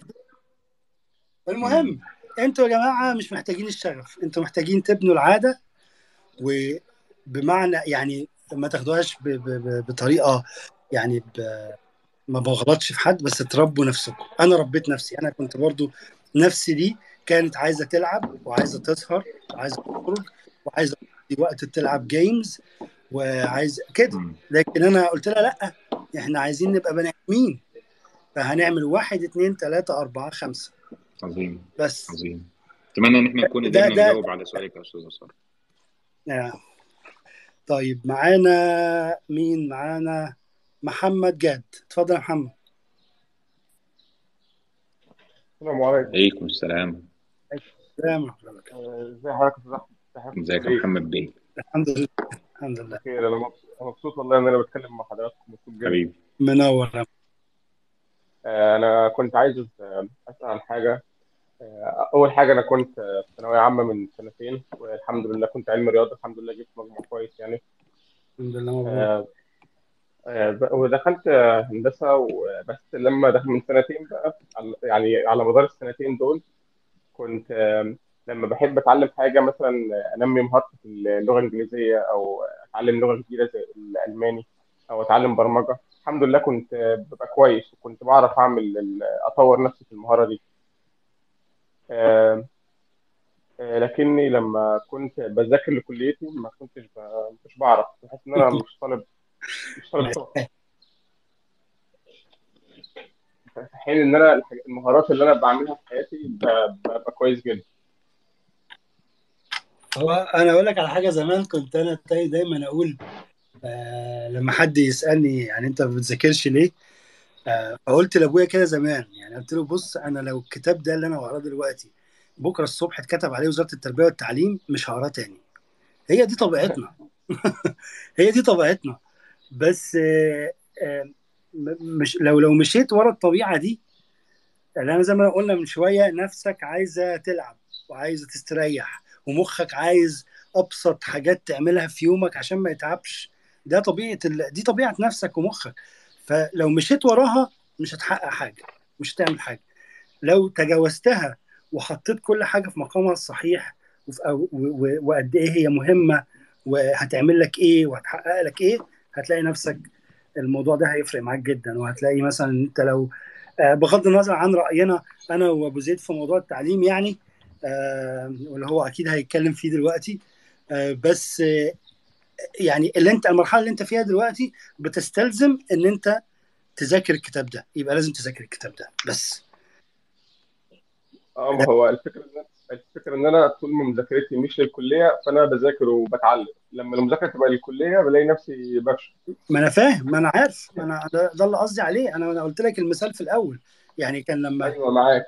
آه فهو آه، لما أنا تخطيت بقى موضوع إن أي كتاب مرتبط بالتعليم اللي هو التعليم النظامي يعني آه، يبقى وحش لما تخطيتها وغيرتها قدرت أتعلم وقدرت أطور نفسي.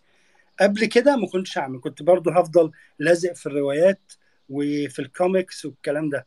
لكن لما تخطيت الموضوع ده وبصيت على إن الكتاب ده مش هو ممل أنا لازم أعترف إن هو ممل بس آه. هيحقق لي إيه بعدين؟ كنا إحنا اتكلمنا على موضوع الصيام إن أنت لما بتصوم الجايزة أو المكافأة بتاعت الصيام مش في وقتها. يعني ما بتاخدش المكافأة دلوقتي بتاخدها بعدين.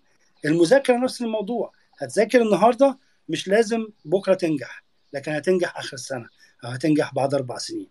فهي. حطها في المقام ده عشان تقدر تتقبل آه، دراسه الكتاب أو التعامل معاه. ولا إيه يا أبو زيد؟ آه صاحبي أنت وفيت وكفيت والله. يعني فكرة إن أنت في حياتك عامة هتقابلك حاجات أنت مش حابب تتعامل معاها. يعني وبس لازم تتعامل معاها. فأنت مش شرط تكون حابب الحاجة دي علشان تعدي فيها. يعني ده تصور آه، آه، يعني مراهق شوية. يعني مش مش مش سبة ولا حاجة ولكن هو في مرحلة للنضج يعني. إن أنت كمان شوية لأ ما أنت لما تطلع لسوق العمل مثلا ممكن يقابلك مدير رخم مدير سيء جدا فأنت هتتعامل معاه مضطر تتعامل معاه. آه، جالك team آه، الزملاء في الشغل مثلا آه، فيهم اتنين تلاتة رخمين فأنت مضطر تتعامل معاهم. فكل ما هت... كل ما هت... كل ما هت...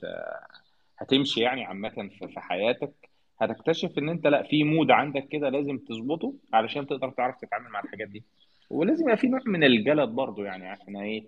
آه، ما ما الواحد قرأ الامتحان بتاع اللغة العربية بتاع خمسة ابتدائي مثلا في في الثلاثينات أنا ما أعرفش أحله. وأنا رغم إن أنا يعني كنت كنت شاطر شوية فما أعرفش أحله. مستواهم كان قوي جدا يعني اللي كان متخرج من الابتدائية وقتها يعدل اللي متخرج من الثانوية حاليا ب- بلا بلا مبالغة. يعني الموضوع صادم أنا عارف. بس بس هو ده الوضع. إحنا يعني بقى عندنا مشكلة إن أنا لازم أحب الحاجة عشان أعملها. لا خالص مش شرط خالص. بقى فكرة إيه؟ طب شوف لي طريقة أحبها. عارف زمان لما كانوا آه، الدواء يعملوا لك بطعم الجوافة ويعملوا لك بطعم البرتقال عشان تعرف تبلعه. لكن لما بتكبر بت- بتشرب المر وأنت ما عندكش مشكلة معاه. فكذلك لازم خالص. لازم دي تنمو معاك في شغلك وفي حياتك إنك هتضطر تتعامل مع ناس مفروضين عليك وما فيش طريق آخر. لو في طريق آخر آه أعتزل ما يؤذيك ولكن مش هينفع تعتزل آه، مادة الخرسانة ولا مادة الأساسات علشان هتزعل في الآخر يعني. ف آه، بالظبط. فلازم لازم لازم تتعامل ولازم تدرب نفسك على التعامل مع الحاجات اللي انت ما بتحبهاش. يعني ده شايف إن هو من أفضل الحاجات اللي هتخليك تنمو ك... كإنسان وكعقلية وكشخصية عامة يعني. بس يا صاحبي. ها الكونسبت بتاع كل الضفدعة اكبر ضفدعة لأن هو يعني بتاع آه، آه، مارك توين مم. آه، أنت كل الضفدعة أكبر ضفدعة أول حاجة الصبح. بصراحة ده اللي خلى الواحد يكمل. لأن أنا أنا جاي أنا برضو يعني لما بدأت مثلا أنا برضو في دماغي الحاجات بتاعت بعد ما شاب ودوك كتاب وأنا يعني هخلص إمتى وأنا هلحق ده أنا عندي 31 سنة ده أنا ما أعرفش إيه طب أنا هنام إمتى طب أنا هخرج إمتى حاجات كتير مم. قوي لو ما كنتش حطيت الحاجات في اولويه يعني في مكانها الصحيح والأولوية وكل حاجة في بالترتيب تبع الأولوية وال...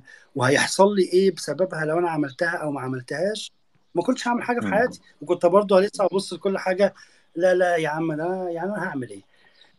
هغير إيه يعني؟ يعني اتعلمت إنجليزي إيه اللي. هيحصل؟ اتعلمت ده هيحصل إيه؟ طب أنا رحت شغل تاني هيحصل لي إيه؟ وكنت هفضل طول عمري نفس حارس البوابة اللي اللي اللي سافر وكان واقف بيفتح العربيات ويكتب الأسامي وما يعرفش أي حاجة في حياته إلا البوابة بتاعته. لكن آه ما أنا يعني أنا مش عايز أقول الكلمة دي وأنت حد يزعل منها بس man up يعني امسك نفسك كده شوية ويبص للحاجة بعد أقول لك على حاجة كنت أنا في في اختبار كده كنت بعمله لنفسي أو practice بقول لنفسي لما بلاقي نفسي مش عايز أعمل حاجة بقعد أكتب آه لو عملت الحاجة دي هيحصل لي إيه؟ ولو ما عملتهاش هيحصل لي إيه؟ الاستفادة والضرر بتاعها. طيب أنا دلوقتي بعد عشر سنين من دلوقتي لو بنتي مثلا قالت لي أنت ما كملتش فيها هقول لها إيه؟ ولو كملت هيبقى رد فعلها إيه؟ حاجات زي كده.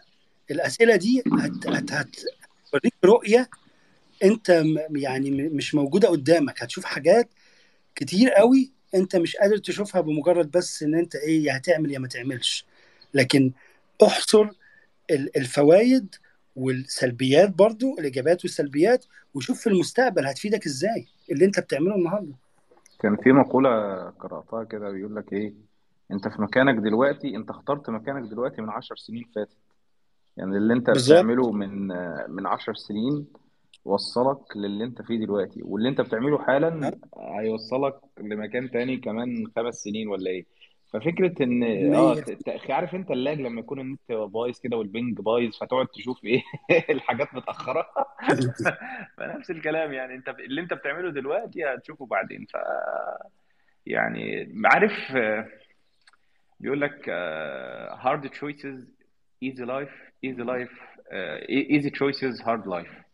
اللي هو ال- الخيارات يا. الصعبة هتسهل لك الدنيا. الخيارات السهلة هاو- صعبة يعني. لو أنت محتار ما بين خيارين في في الجوريزم كده أو خوارزمية بسيطة يعني لو أنت محتار كان برضو كان نيوبورت ولا كان يعني لو أنت محتار ما بين قرارين أو خيارين أو طريقين اختار القرار اللي اللي مؤلم أكتر دلوقتي. واخد بالك؟ اللي مؤلم أكتر دلوقتي. في الغالب هو ده القرار الصح اللي أنت بتحاول تتجنبه. ف... في ال- في الغ- آه. ف... آه فأتمنى صاحبي إن ده يكون جاوب على تساؤلك يعني. ربنا يوفقك. طيب معانا صلاح. اتفضل يا صلاح. صلاح. طيب آه، على ما صلاح يرد حامد.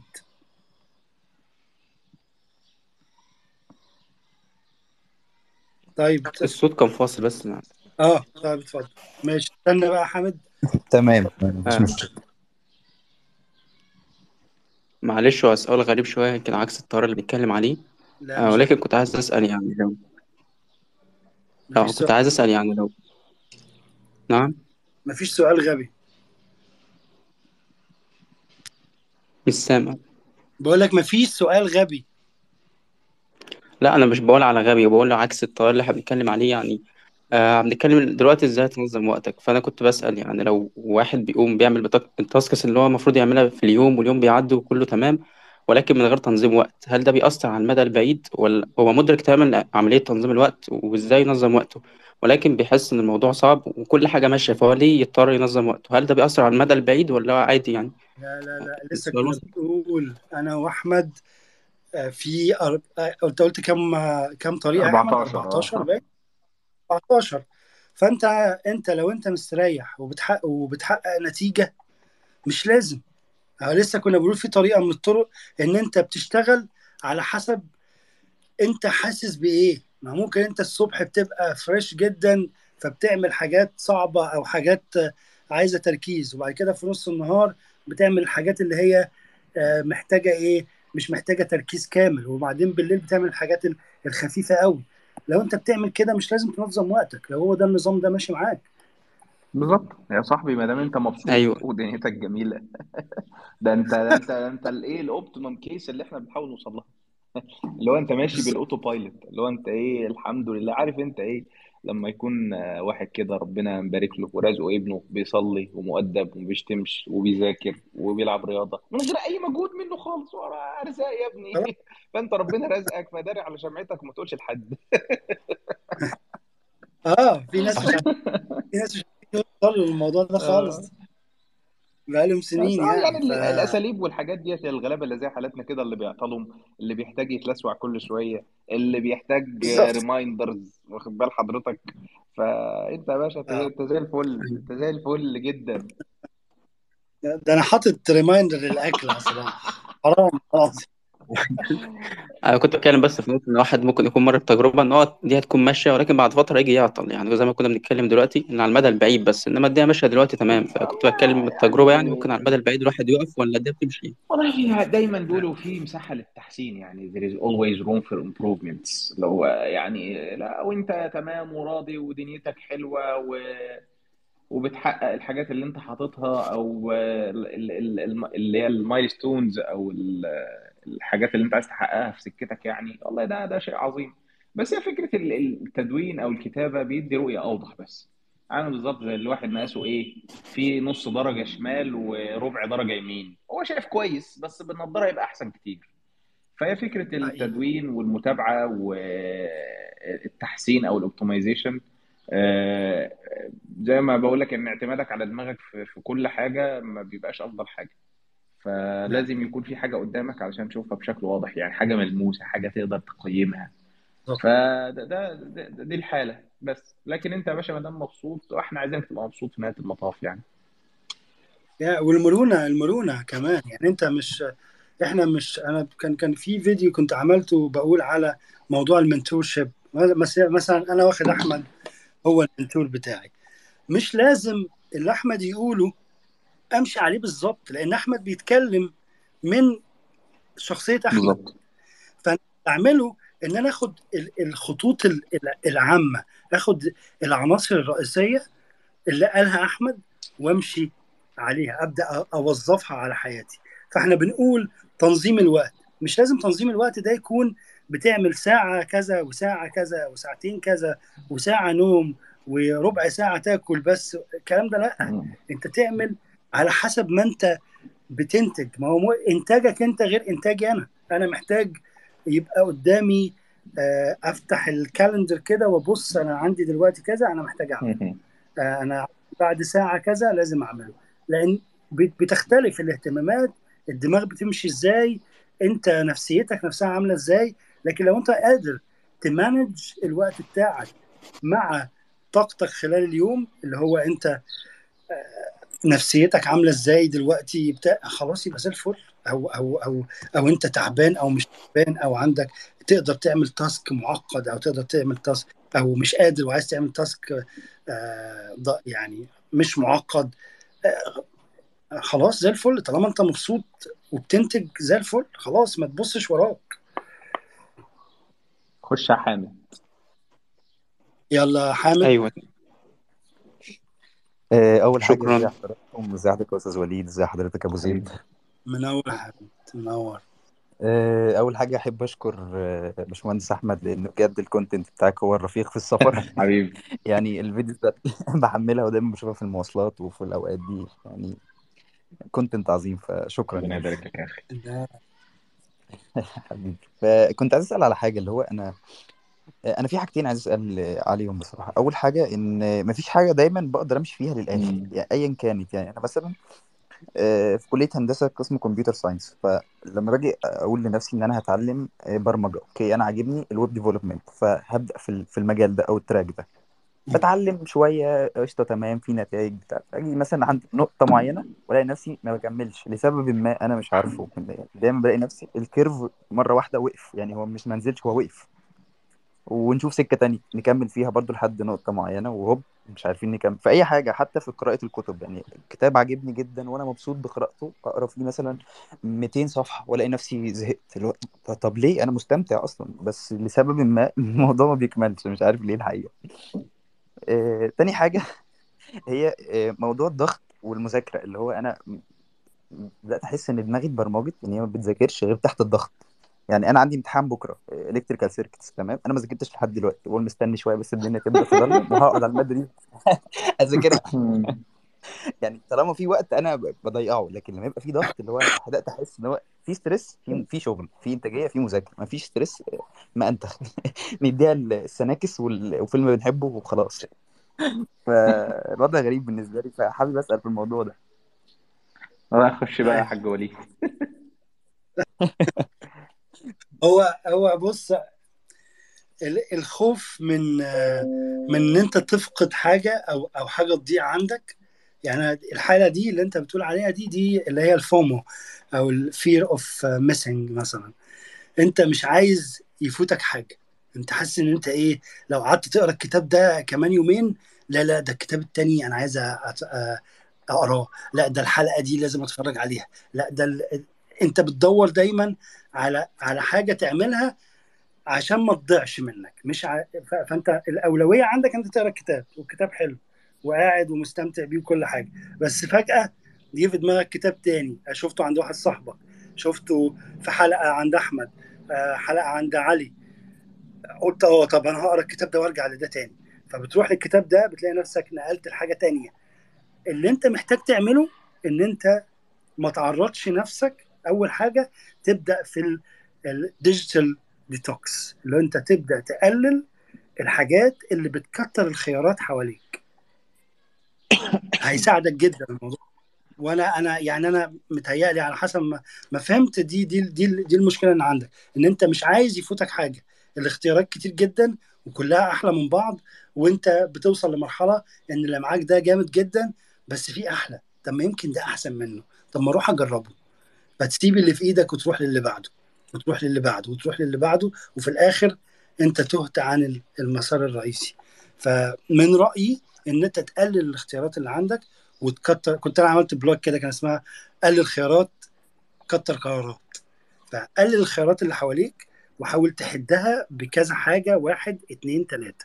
ولو يكن خليها خيارات أسبوعية. الأسبوع ده أنا هقرأ الكتاب ده بس.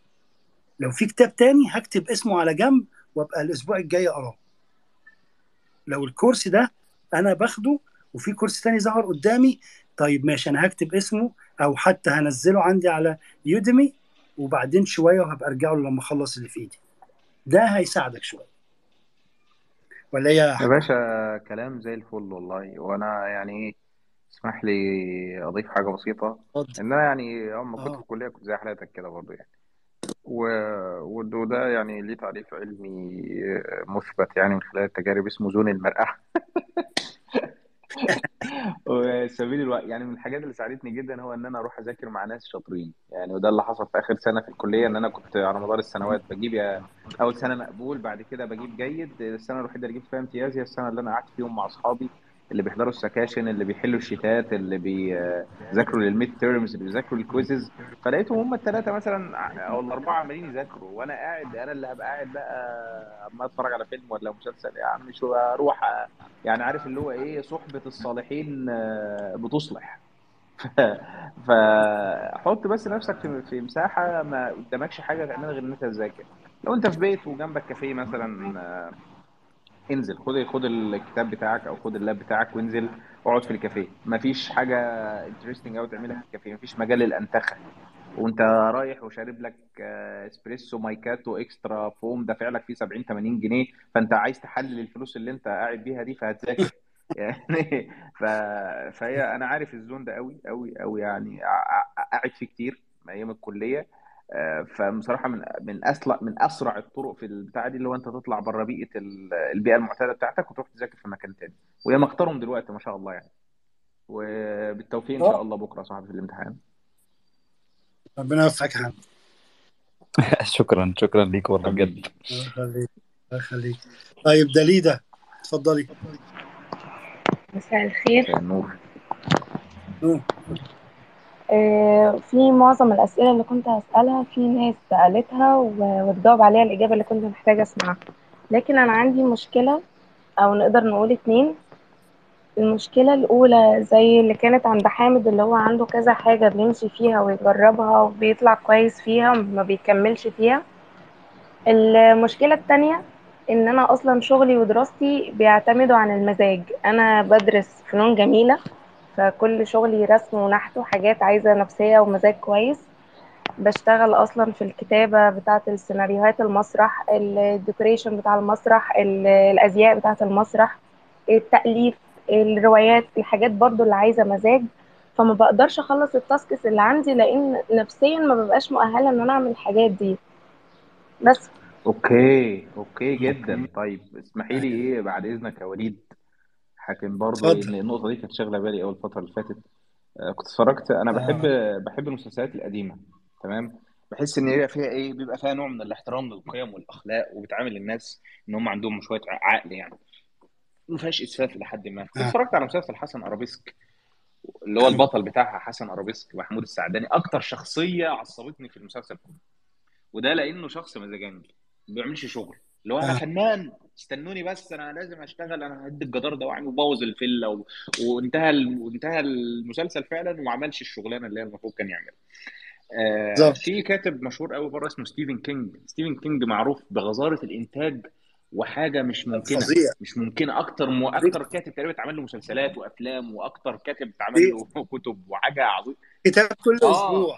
فاللي هو فالراجل بتاع آه، آه، كذا كاتب يعني بيروحوا يقولوا يا عم في يا عم. you make us look bad اللي هو انت بتخلينا نبان شكلنا وحش قوي يعني. فهو الراجل كان عنده system بسيط قوي. قال لي أنا بصحى كل يوم بدري كده قبل الوش عندي كذا صفحة بكتبها. حلوين وحشين جامدين. هينتهي بالمطاف هيروحوا لل editor أو هينتهي بالمطاف في الزبالة. لازم أكتبهم. هو ده الإيه؟ لازم أعملهم أي أول حاجة الصبح قبل أي حاجة.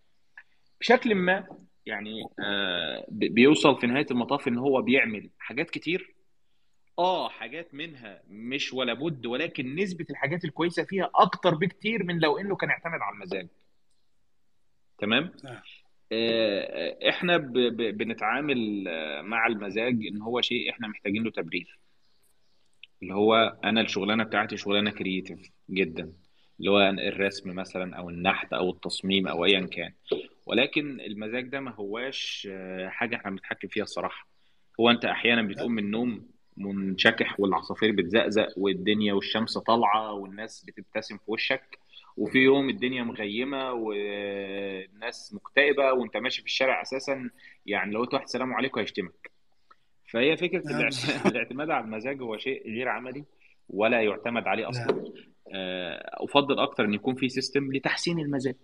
يعني مثلا يعني دي كتاب صغيرة كده لو جبت ورق وقلم وكتبت فيه إيه الحاجات اللي بتبسطك.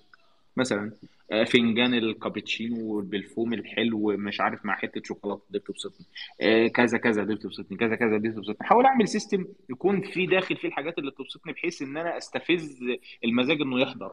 كاننا بتحضر عفريت آه.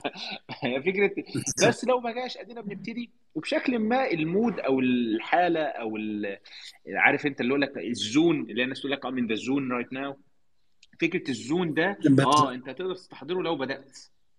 يعني هي دايما أيوه. إيه اللي بيجي الأول؟ المزاج بيجي الأول وبعدين الشغل ولا الشغل وبعدين المزاج اكشولي اللي بيحصل حرفيا بالتجربة والله إن المزاج بيجي بعد ما تبتدي شغل. آه حرفيا. بعد ف... الشغل.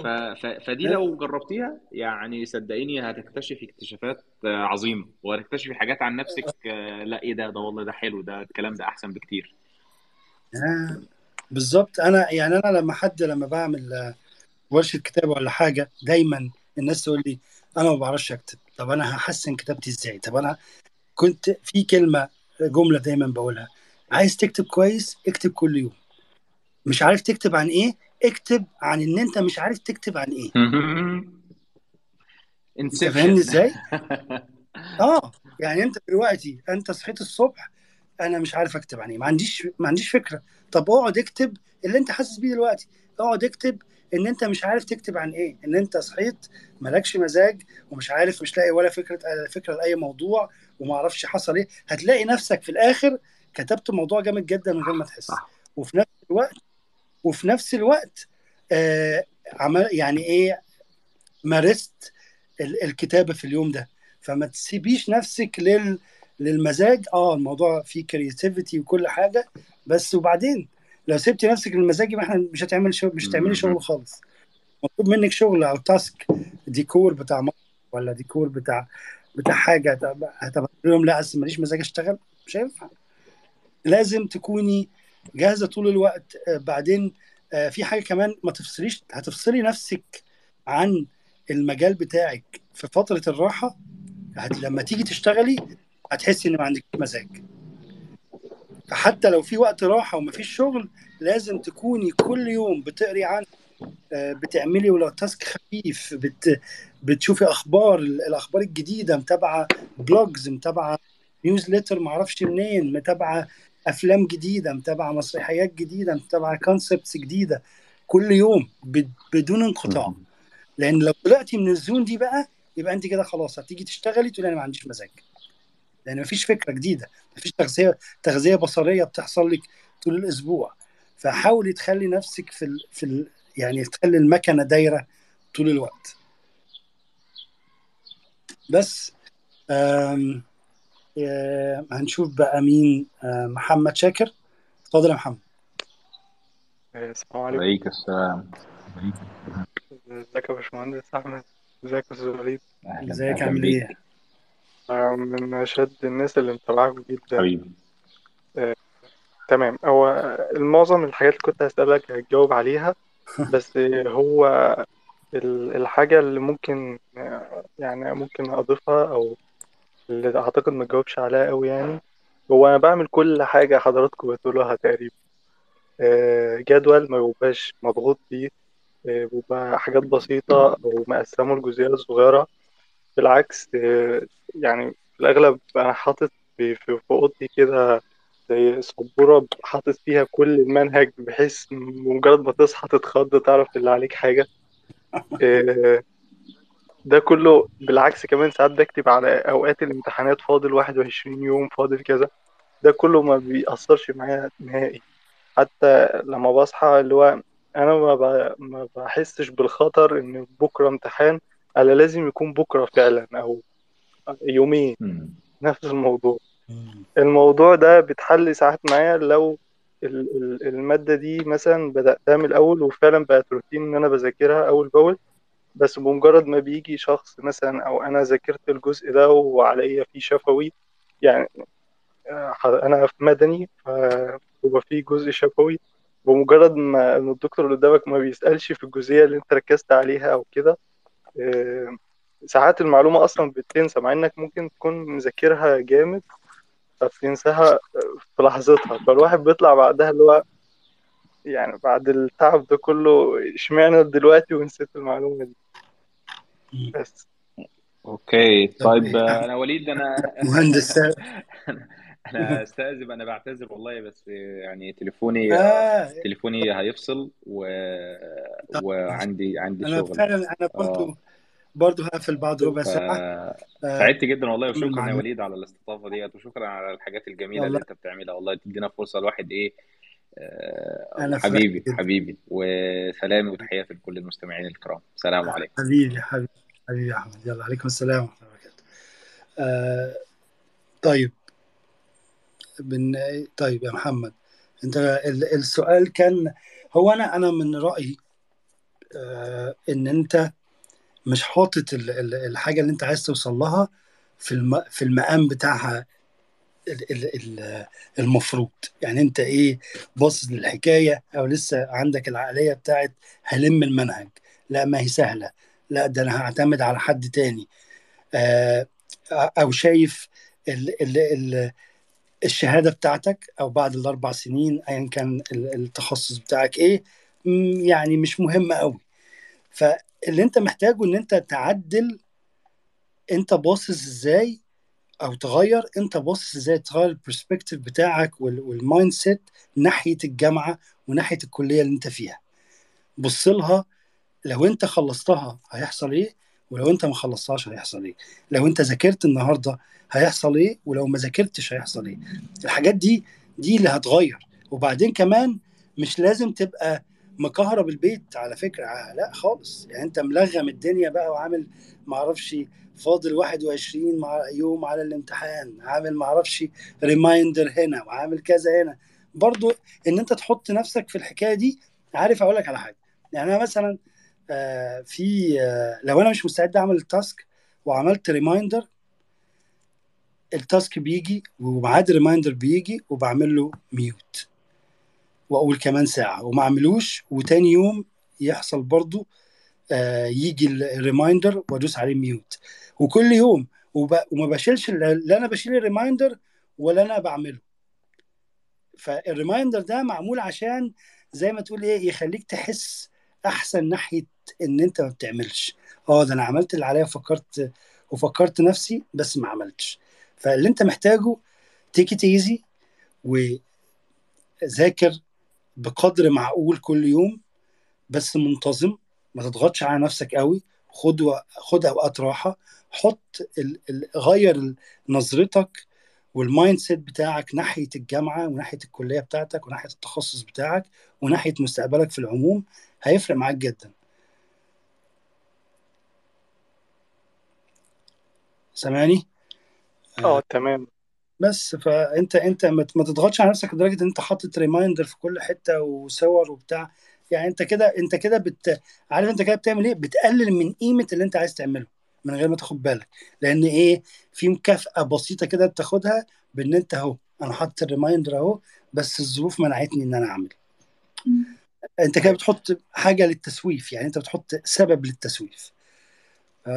حاول حاول تقلل كل ال- الألغام اللي أنت حاططها حواليك دي وبص للموضوع ب- بنظرة تانية هيفرق معاك إن شاء الله. ولو في أي حاجة في أي وقت يا ريت تكتب لي على تويتر هنا أو على يوتيوب. أنا آه بكتب لك طيب. دايما على اليوتيوب آه أي وقت أنا معاك.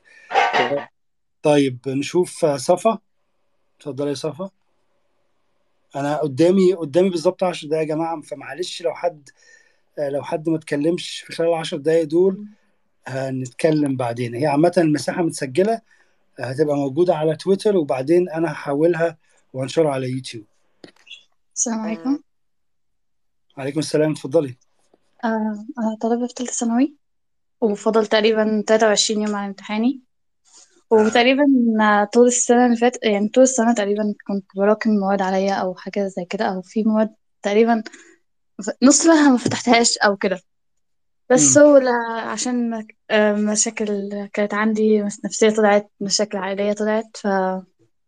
فكل حاجة ظهرت السنة دي ف...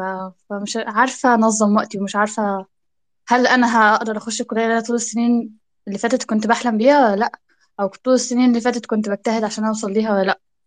فالعلم برضو كنت السنين اللي فاتت من الأوائل يعني بس دلوقتي الموضوع بقى خالص يعني مش عارفة أذاكر ومش عارفة أفتح الكتاب. آه، بس هو انت دلوقتي هي مع- أنا مش عارف المشاكل خلصت ولا لا اللي عندك بس هو اللي اللي معطلك أكتر إن إن انت حاسة 22 يوم إيه اللي أنا هلم فيهم منهج كامل بتاع ثانوية أيوة.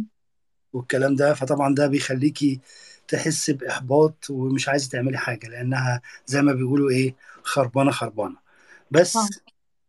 في حاجة في في كلمة كده كنت بقولها دايما لما حد يقول لي انت عندك 40 سنة وعندك 45 سنة لسه بتتعلم فاقول له طول ما انت عايش عندك وقت. عايش يبقى عندك وقت. قدامك 22 يوم يبقى لسه عندك وقت. أنا ما بقولكيش إن ال 22 يوم دول ممكن تنجحي فيهم وتحققي كل اللي انت عايزاه ولا حاجة بس ممكن تنقذي ما يمكن إنقاذه وتبدأي. آه النتيجة هتيجي على قد اللي انت ذاكرتيه وقد وقد وعلى قد اللي انت آه قدرتي تحصليه في الوقت ده. آه ما ما تحطيش توقعات كبيرة بس حطي حطي بصي لنفسك ان انت بتعملي اللي عليكي في الوقت الحالي. ان انت عملتي اللي عليكي في ال في ال 22 يوم دول ذاكرتي كويس عودتي نفسك على روتين. آه وكنا لسه آه أحمد أبو زيد كان بيتكلم في إن الوقت ده ما, ما تسهروش يا جماعة كتير. حاولوا تناموا وتصحوا الساعة 9 الأوقات اللي هي قبل الامتحان دي. تصحى الساعة 9 تصحى الساعة 8 تعود مخك إنه يشتغل من الساعة 8 لأن الوقت ده اللي هتبقى فيه موجود هتبقى موجود فيه في الامتحان. فتعود مخك في الوقت اللي جاي ده إن أنت تصحى الساعة 8 وتنام مثلا الساعة 12 أو الساعة 11 فمخك يبدأ في خلال الأيام الجاية ياخد على الروتين ده. هت... هتذاكري إزاي؟ هو في فيديو أنا عامله عن المذاكرة الفعالة على القناة عندي لو ما تعرفيهاش ادخلي على profile تويتر دلوقتي هتلاقي ال link بتاع القناة. وفي فيديو اسمه المذاكرة الفعالة بأقل مجهود. طبعا هو معمول للناس اللي قدامهم مثلا ست سبع شهور بس أنت حاولي تطبقي ال... ال... العناصر الرئيسية منه وشوفي اللي ينفعك فيه واتكلي على الله. هتزودي طبعا معدل المذاكرة مش هينفع تذاكري ساعتين ثلاثة في اليوم هت... لازم سوري آه، لازم تذاكري أكتر آه، وبكثافة أكتر بس لازم يكون في راحة. أنت هتشوفي كل حاجة في الفيديو يعني. بس اللي عايز اوصله لك ودي أهم من آه، تنظيم الوقت بتاع المذاكرة إن أنت قدامك 22 يوم هم اسمهم 22 يوم. اسمهم وقت. ولازم كمان تبصي للموضوع إن أنت ما تتوقعيش حاجة. ما تتوقعيش عامة. في الحياة عموما ما تتوقعيش حاجة. ما تحطيش أي توقعات على أي حاجة. اعملي اللي عليكي. أنت عايزه توصلي هنا خلي هنا ده قدامك. بس ما تحطيش بقى توقع إن أنت هتخلصيه هتوصلي له في شهر هتوصلي له في اتنين هتوصلي له في ثلاثة لا أنت اعملي كل اللي يخليكي توصلي للنقطة دي. بس إن شاء الله خير بيطمنين عليك أوكي شكرا. ماشي آه نيفين آه طيب ماشي. السلام عليكم. ازي حضرتك؟ اتفضلي. عليكم السلام ورحمة الله اتفضلي. حضرتك عندي سؤال اللي هو بتاع تنظيم الوقت. يعني مثلا بيجي عليا فترة مثلا اللي هو الفترة الذهبية اللي هو إيه أصحى من الفجر أخلص كل اللي ورايا. جميل. بس دي ما بتجيش كتير يعني. في أوقات كتير بقى اللي هو إيه بمشي زي ما بيقول الكتاب اللي هو أكتب أنا ورايا كذا كذا وبالبرومود والكلام ده. بس ساعات بحس إن الموضوع ده ما بيمشيش معايا. يعني لما أكتب مثلا لا- الحاجات اللي ورايا وما أحط لهاش وقت بحس إن أنا بنجز كده تمام. لما أجي أحط بلاقي نفسي إن أنا بستعجل النجاح وكده. أيوه ما هو ما هو إحنا لسه كنا بنتكلم. في ناس بينفع ينجزوا على و... على جدول. في. ناس بينفع ينجزوا على إن هم يعملوا تذكير على. ريمايندر يعني على التليفون. في ناس بتشتغل بمستوى الطاقة بتاعتهم قد إيه، مش الطاقة اللي هي بتاعت التنمية البشرية بقى والجذب والكلام ده لأ إحنا يعني الطاقة بتاعتنا نفسها عبارة عن قد إيه؟ يعني مثلا الصبح بنبقى فريش و... وعايزين نعمل آه، كل حاجة ونخلصها وبتاع فبناخد حاجة تقيلة نخلصها في الوقت ده. في نص النهار شوية آه، تعبنا فبنعمل حاجة مش محتاجة تركيز قوي. بالليل بنعمل الحاجات اللي هي برضو نفس الموضوع. ما مش محتاجة راحة أو بسيطة. فهو لو أنت مش عايزة ت- تمشي بجدول امشي بنتي حاسة بإيه دلوقتي؟ أنت الصبح صحيتي شربتي القهوة بتاعتك وجاهزة تعملي كذا. خلاص يبقى تعملي ال- الحاجة اللي تناسب الوقت ده. آه، الظهر شوية. حاسة إن أنت مش في كامل تركيزك بس في حاجة عايزة تخلص نقي حاجة تكون على قد يعني مثلا لو هتردي على إيميلز أو أو هت أو أو هتكتبي حاجة بسيطة أو هتعملي time sheet مثلا. فقسمي يومك بالطريقة دي مش لازم تقسميه بالوقت. مش لازم خالص. تمام. طب معلش برضو سؤال كمان. هو إيه الفرق ما بين الكمالية وبين الواحد يعمل حاجة بضمير؟ لا في فرق كبير. الضمير أنت بت- بتسعي إن أنت تعملي أحسن ما عندك. لكن الكمال إن أنت عايزة تعملي حاجة perfect حاجة ما حصلتش وكاملة. ده ده الفرق. إن أنا أنا دلوقتي أنا مثلا لما باجي بقى أكتب آه، بكتب الموضوع وبسيب المكتب خالص بعد ما أخلصه وأقعد 10 دقايق ربع ساعة بعيد وأرجع أفتح الموضوع تاني وأبص له كده وأقول إيه القرف اللي أنا عملته ده. وأبدأ أكتب وأظبط ال- المنوره فهد وأبدأ أكتب وأظبط اللي أنا عملته تاني من جديد. هل ده سعي ورا الكمال؟ لا. ده أنا عايز أعمل حاجة حلوة وأنا في دماغي إن مستحيل تطلع كاملة. فأنا متقبل الخطأ بتاعي متقبل إن أنا خطاء ومتقبل إن أنا بطلع حاجات مش كاملة ومش متوقع إن أنا أطلع حاجة كاملة بس متوقع من نفسي إن أنا أطلع حاجة كويسة. تليق بالكلاينت اللي أنا بكتب له أو تليق باسمي لو أنا هحط اسمي عليها في جريده ولا حاجة. ففي نفس الوقت أنت لما تيجي تشتغلي تشتغلي بنفس الطريقة. اشتغلي بضمير اعملي كل اللي عليكي بس مش لازم تبقي يعني يعني يعني مش لازم تطلعي الحاجة أص- مستحيل. يعني مثلا في موضوع الكتابة ما فيش حاجة اسمها الكتابة الصحيحة. الكتابة الصحيحة هي القواعد اللغوية والكلام ده. لكن الكتابة كأسلوب ممكن دلوقتي تطلبي من عشر كتاب يكتبوا عن مو... نفس الموضوع وكلهم هيكتبوا عشر موضوعات مختلفة. هل فيهم حد غلط؟ لا. مم. هل في انت فاهم في ال- الفكرة وصلت لي وصلت لك؟ أيوه فاهمة. بس آه. أصلا موضوع الكتابة دي يعني أنا ع- لسه عاملة كتاب منزله الس- السنة دي آه. 2022 مبروك. الله يبارك في حضرتك. قعدت سنين بفكر إن أنا أكتبه يعني 2016 تقريبا. آه. كل شوية سنه أكتب شوية واوقف أكتب شوية واوقف وما. بقتش أنزل عامية ولا أنزل لغة عربية. فقلت خلينا لغة عربية نحترم يعني. الكتاب يعني. كنت كل شوية بعيد وأزيد فيه أعيد وأزيد فيه وراجع كتير وكده. وبلاقي أخطاء. بعد ما نزل بقى انهيار بقى رهيب إن في شوية أخطاء لغوية يعني.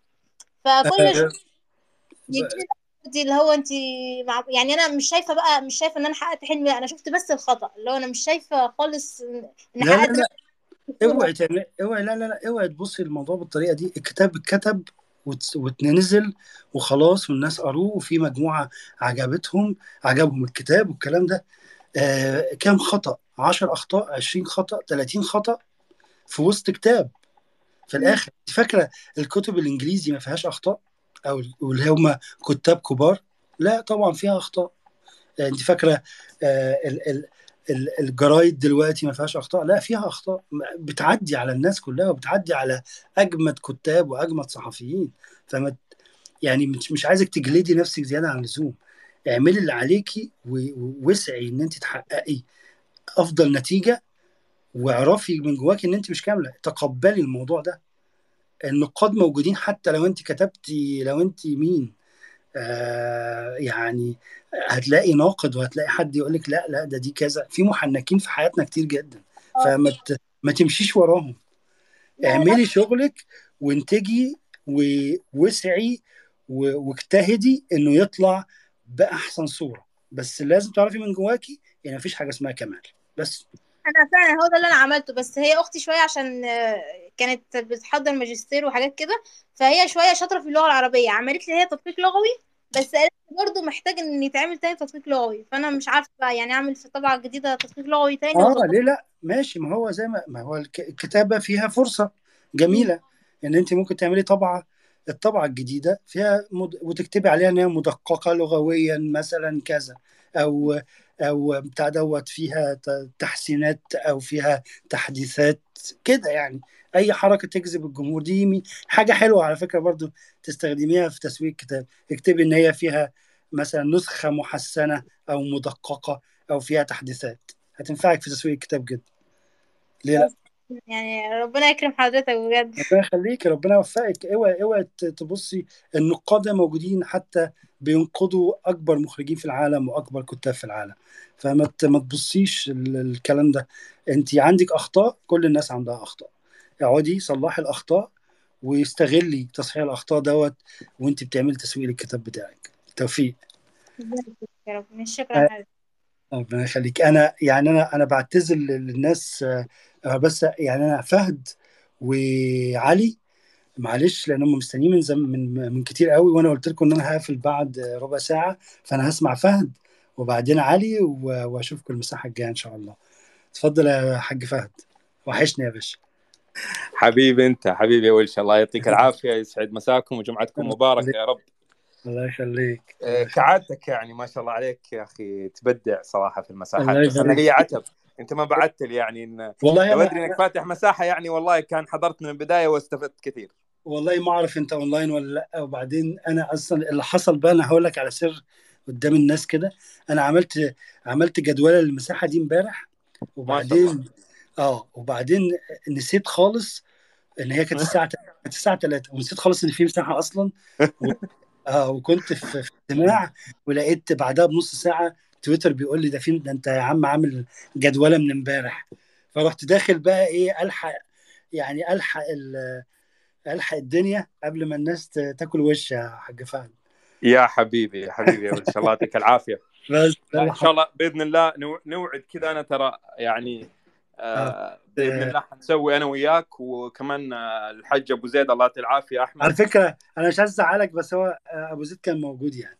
ما شاء الله تبارك الله. يلا. أنا آسف. نتجمع عند النبي. إن شاء الله. لا ال- المساحة الجاية بإذن الله أنا هعمل حاجة لل لأن إحنا بقى لازم نعمل حاجة مثلا صناعة محتوى وتسويق بصراحة أنا وأنت. ضروري ضروري. ضروري. فإن شاء الله بإذن الله المساحة الجاية يا جماعة هتبقى عن صناعة المحتوى. والتسويق ليه عشان نجهز لحاجة يعني مساحة بقى للتسويق لوحده. فهنتكلم المرة الجاية إن شاء الله عن صناعة المحتوى والتسويق ليه. فهد يمكن من أحسن الناس اللي اتكلمنا في الموضوع دوت. آه وأنا عندي برضو خبرة لا تقارن بفهد بس يعني إيه يا عم أنت الخير والبركة الله يكرمك. حبيبي يا فهد. الله الله يرضى عليك. يخليك. طيب صراحة وليد يعني آه، أنا أشكرك على المساحة الجميلة وأنت دائما معطاء. وما بتقصر يعني في نصايحك وخبراتك وإحنا بأمانة يعني حريصين دائما إنه ننقل المعلومة آه. وبدون أي يعني آه، زي ما يقولوا كذا من غير آه، نعطي زي ما يقولوا الزتونة. وفي نفس الوقت نعطي تجاربنا لأخواننا وأخواتنا اللي أصغر منا أو اللي ما قد يعني يعني ما اللي ما ما قد خط أي تجربة. آه آه، ما آه، شاء الله النهارده كان في ناس يعني آه، ما شاء الله. صراحة أنا أنا زعلت إن أنا ما بعتلكش لأن كان في ناس فعلا تحب تسمع أسئلتهم وقد إيه هم عايزين يتغيروا فعلا. آه إن شاء الله المساحة الجاية بإذن الله. بإذن الله. لا إحنا حنشتغل آه، بإذن الله يا وليد على موضوع عدة مواضيع منها الكاريزما آه. ومنها ال personal branding ومنها آه. كيف تبدأ أول خطوة لك حتى في في في إن كان صناعة محتوى أو كان ان شاء يعني حتى لو إنك كيف تبدأ تكسر حاجز الخوف من خوض أي تجربة جديدة. هذه كلنا كنا نعاني منها. بالظبط بالظبط بالظبط والحمد لله يعني أنا اتعرفت على أنا بصراحة آه، أنا أنا قديم على تويتر بس الحساب ده جديد آه، والمرة دي أنا حاسس باختلاف آه، كبير جدا. يعني الناس اللي اتعرفت عليهم الأيام دي زيك كده وفي وفي مجموعة تانية كبيرة. وإن كمان التواصل بيني وبين أحمد أبو زيد أكتر من من الأول. فبصراحة الاستفادة اللي أنا استفدتها من تويتر الشهر اللي فات بعشر سنين بالعشر سنين اللي أنا قعدتهم على تويتر قبل كده مبسوط جدا.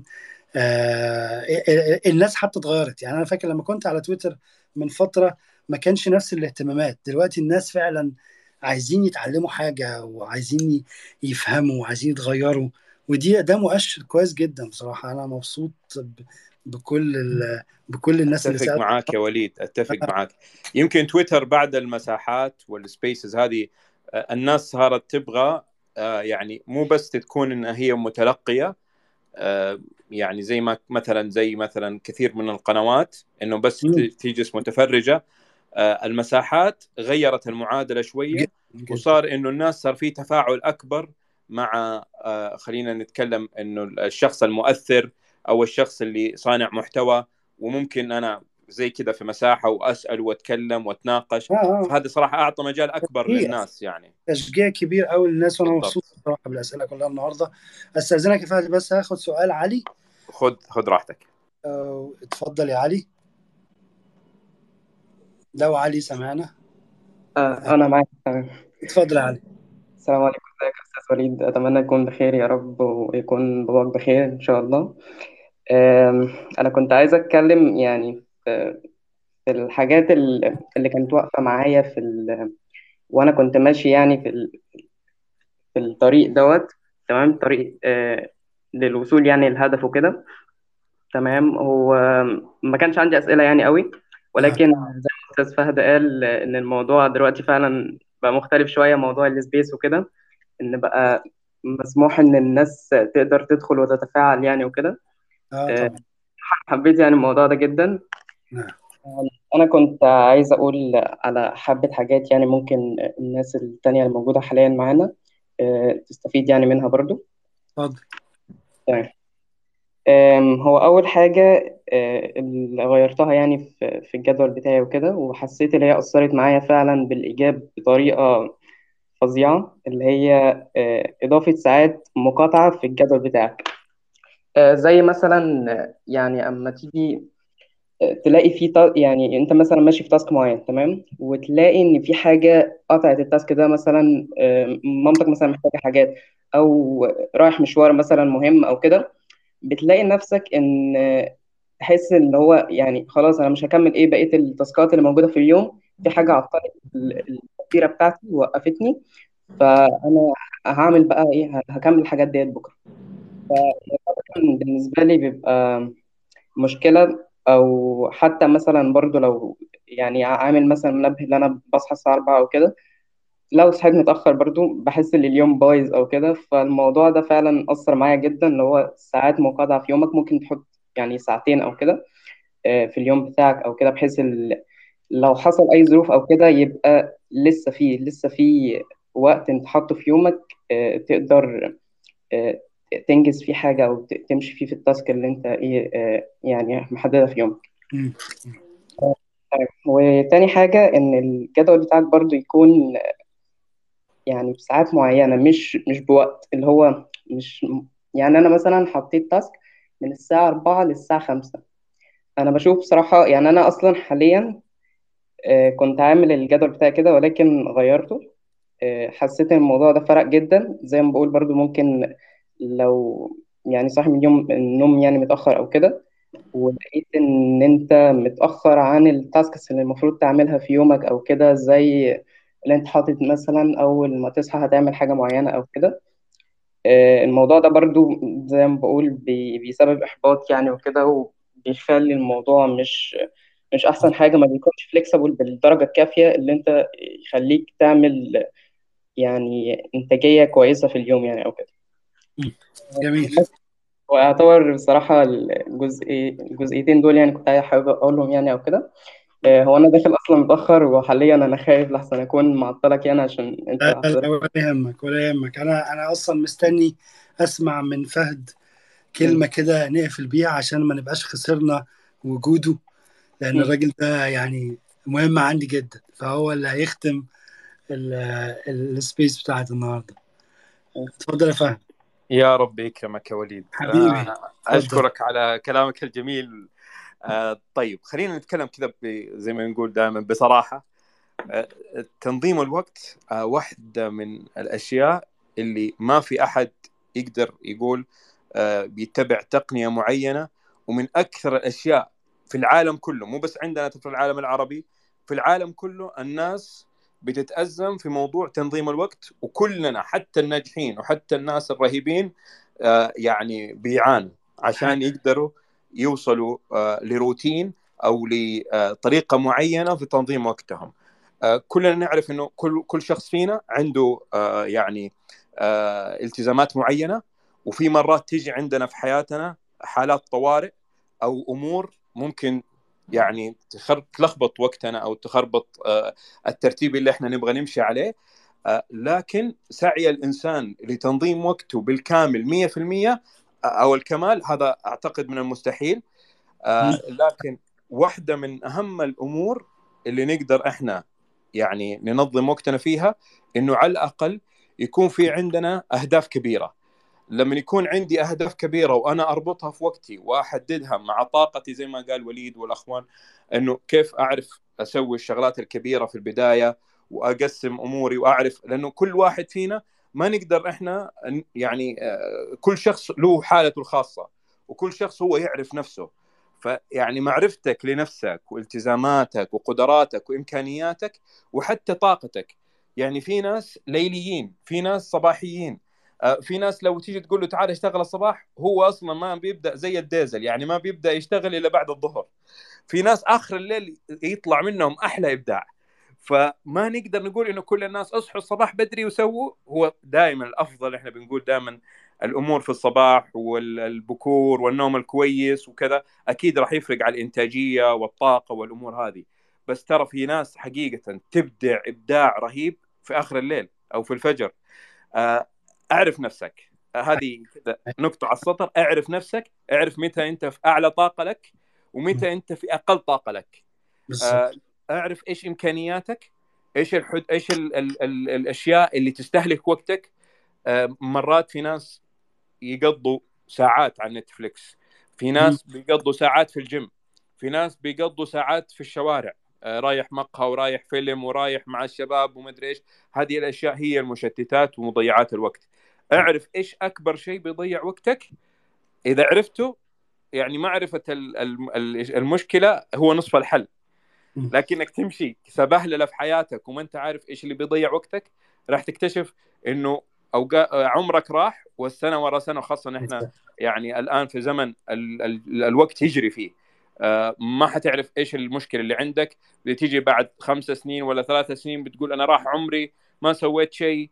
طب كيف هذا فلان؟ في عمر بسيط أنجز مشاريع وسوى وصار له اسم وصار وصار وأنت في نفس المكان. لأنه أنت ما أنت عارف إيش بالضبط قاعد تسوي. فالسعي للكمال ترى هذه مش معضلة كبيرة. حاول إنك أنت آه، يكون عندك أهداف كبيرة وترتب وقتك على هذه الأهداف. بعد ما يكون عرفت نفسك وعرفت قدراتك. نيجي نقول أفضل طريقة لتنظيم الوقت ما في طريقة مثلى كل إنسان له طريقة. لازم يكتشف إيش الأدوات اللي تتناسب معاه في يقولوا بعضهم أنا بصراحة جربت التودو ليست. أنا من المدرسة الكلاسيك. نعم. شباب. أحلى من التودو ليست ما في. سهلة بسيطة تسويها على ورق تسويها بالتودو ليست حقت الآيفون ولا أي جوال. آه، تسويها يعني آه هو ال... أنت هو الصوت بتاع صوت آه فرد معليش راح غريب. صوت عندي تعبان؟ لا لا هو قطع. آه معليش سمع... فين سمعتني؟ آخر حاجة بس. آه عند التيديو اي ليست. أنا أقول أفضل أفضل تقنية أنا أشوفها آه، وليد وبصراحة أشوف إنها رهيبة التودو ليست. زي الفل. زي الفل. زي الفل.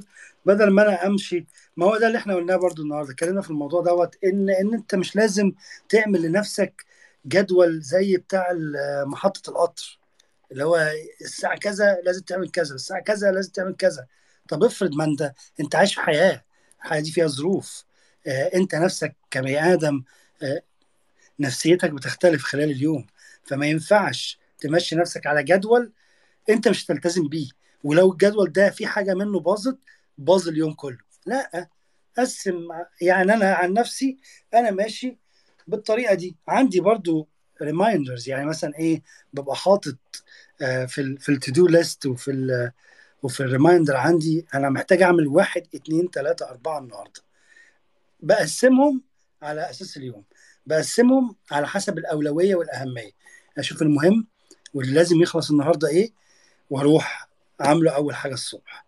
اللي محتاج نشاط أقل أخليه في نص اليوم.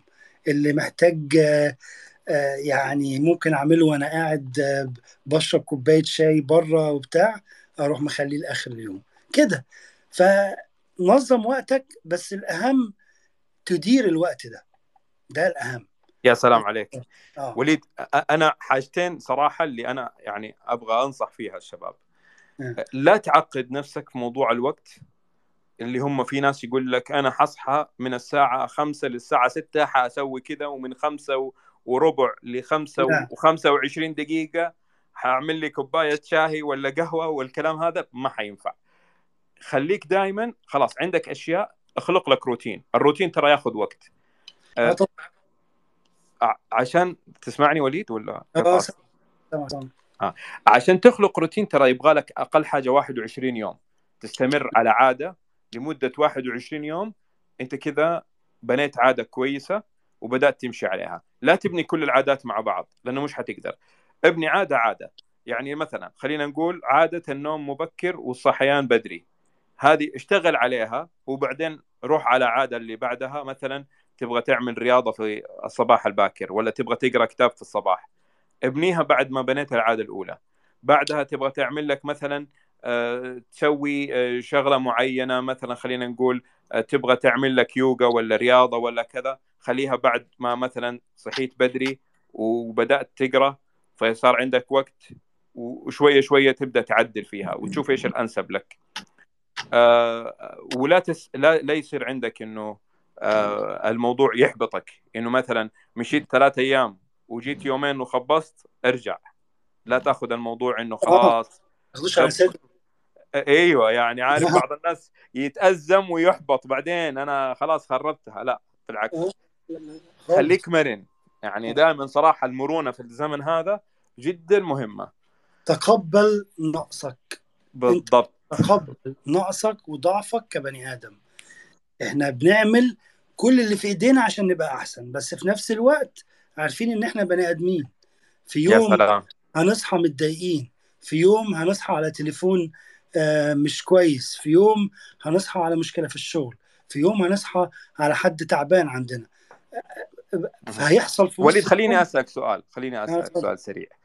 أنت كم مرة يا وليد آه، في أشياء آه، جلست مثلا خمسة ستة أيام ما ما ما, ما لك يعني خلق تخلصها وجيت في آه، ليلة واحدة وخلصت المواضيع هذه كلها؟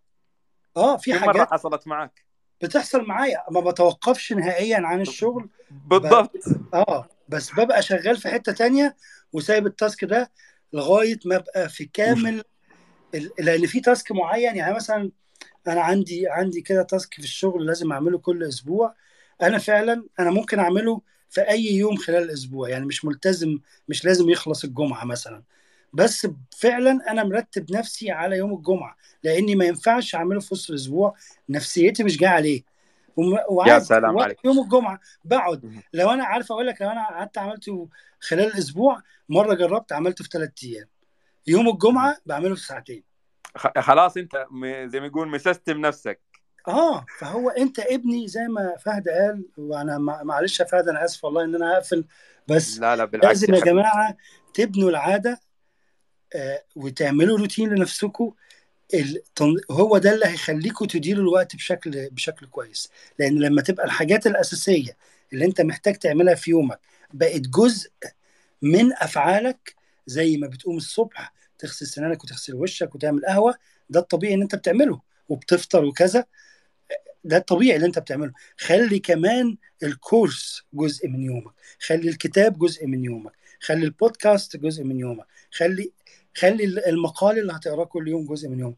بس مع الوقت لما تعمل كده ولو حتى بقدر قليل جدا يعني ما بقولكش كل يوم الصبح تفتح تقرأ لك نص كتاب لأ اقرأ صفحة صفحة واحدة بس. ما بقولكش كل يوم تصحى الصبح وانت في كامل طاقتك بقولك إن انت لازم تخلص الكورس. لو خلصت الكورس الصبح يعني لو فتحت كورس من بابه كده وبعد كده خلصته في يوم يبقى انت ما استفدتش حاجة. لا أنا بقول إن أنت تعود نفسك إن كل يوم بقدر بسيط تغير حاجة حاجة غير حاجة حاجة. هتلاقي نفسك مع الوقت بعد أسبوع الساعة اللي أنت قضيتها في الكورس ده كل يوم بقوا سبع ساعات. السبع ساعات دول استفدت منهم تماما. لكن لو أخدت السبع ساعات في يوم تاني يوم مش هتبقى عايز تشوف الكورس ده ابدا تاني في حياتك. فنظم ودير وقتك وابني الروتين هيفرق معاك جدا. آه طولنا عليكم وأثرنا على فهد جدا ودي حاجة مش كويسة بس ال- المساحة الجاية إن شاء الله فهد هيبقى معانا من الأول وهبعت له و... واطمن إن هو موجود يعني وفاضي ويجيب بقى أصحابه المسوقين عشان أي حد عايز يستفيد من التسويق وصناعة المحتوى هنتكلم عنه المرة الجاية ك يعني أنا كصحفي سابق. وبعمل وبكتب محتوى دلوقتي copywriting content writing و UX writing وكمان عشان عندي خلفية عن التسويق وفهد بقى يعني ده شغله تسويق أصلا فالمرة الجاية هنتكلم فيه وإن شاء الله نفيدكم لو في أي حد عنده سؤال آه، ال tweet بتاعت المساحة دي موجودة عندي على ال profile وموجودة عند فهد تقدروا تكتبوا السؤال بتاعكم عليها وهي متسجلة. لو أي حد عايز يرجع عايز يرجع لها ولما تنزل على يوتيوب برضو هسيب لكم ال link عشان لو حد عايز يسمعها على يوتيوب برضو. أشوفكم المساحة الجاية إن شاء الله. over and out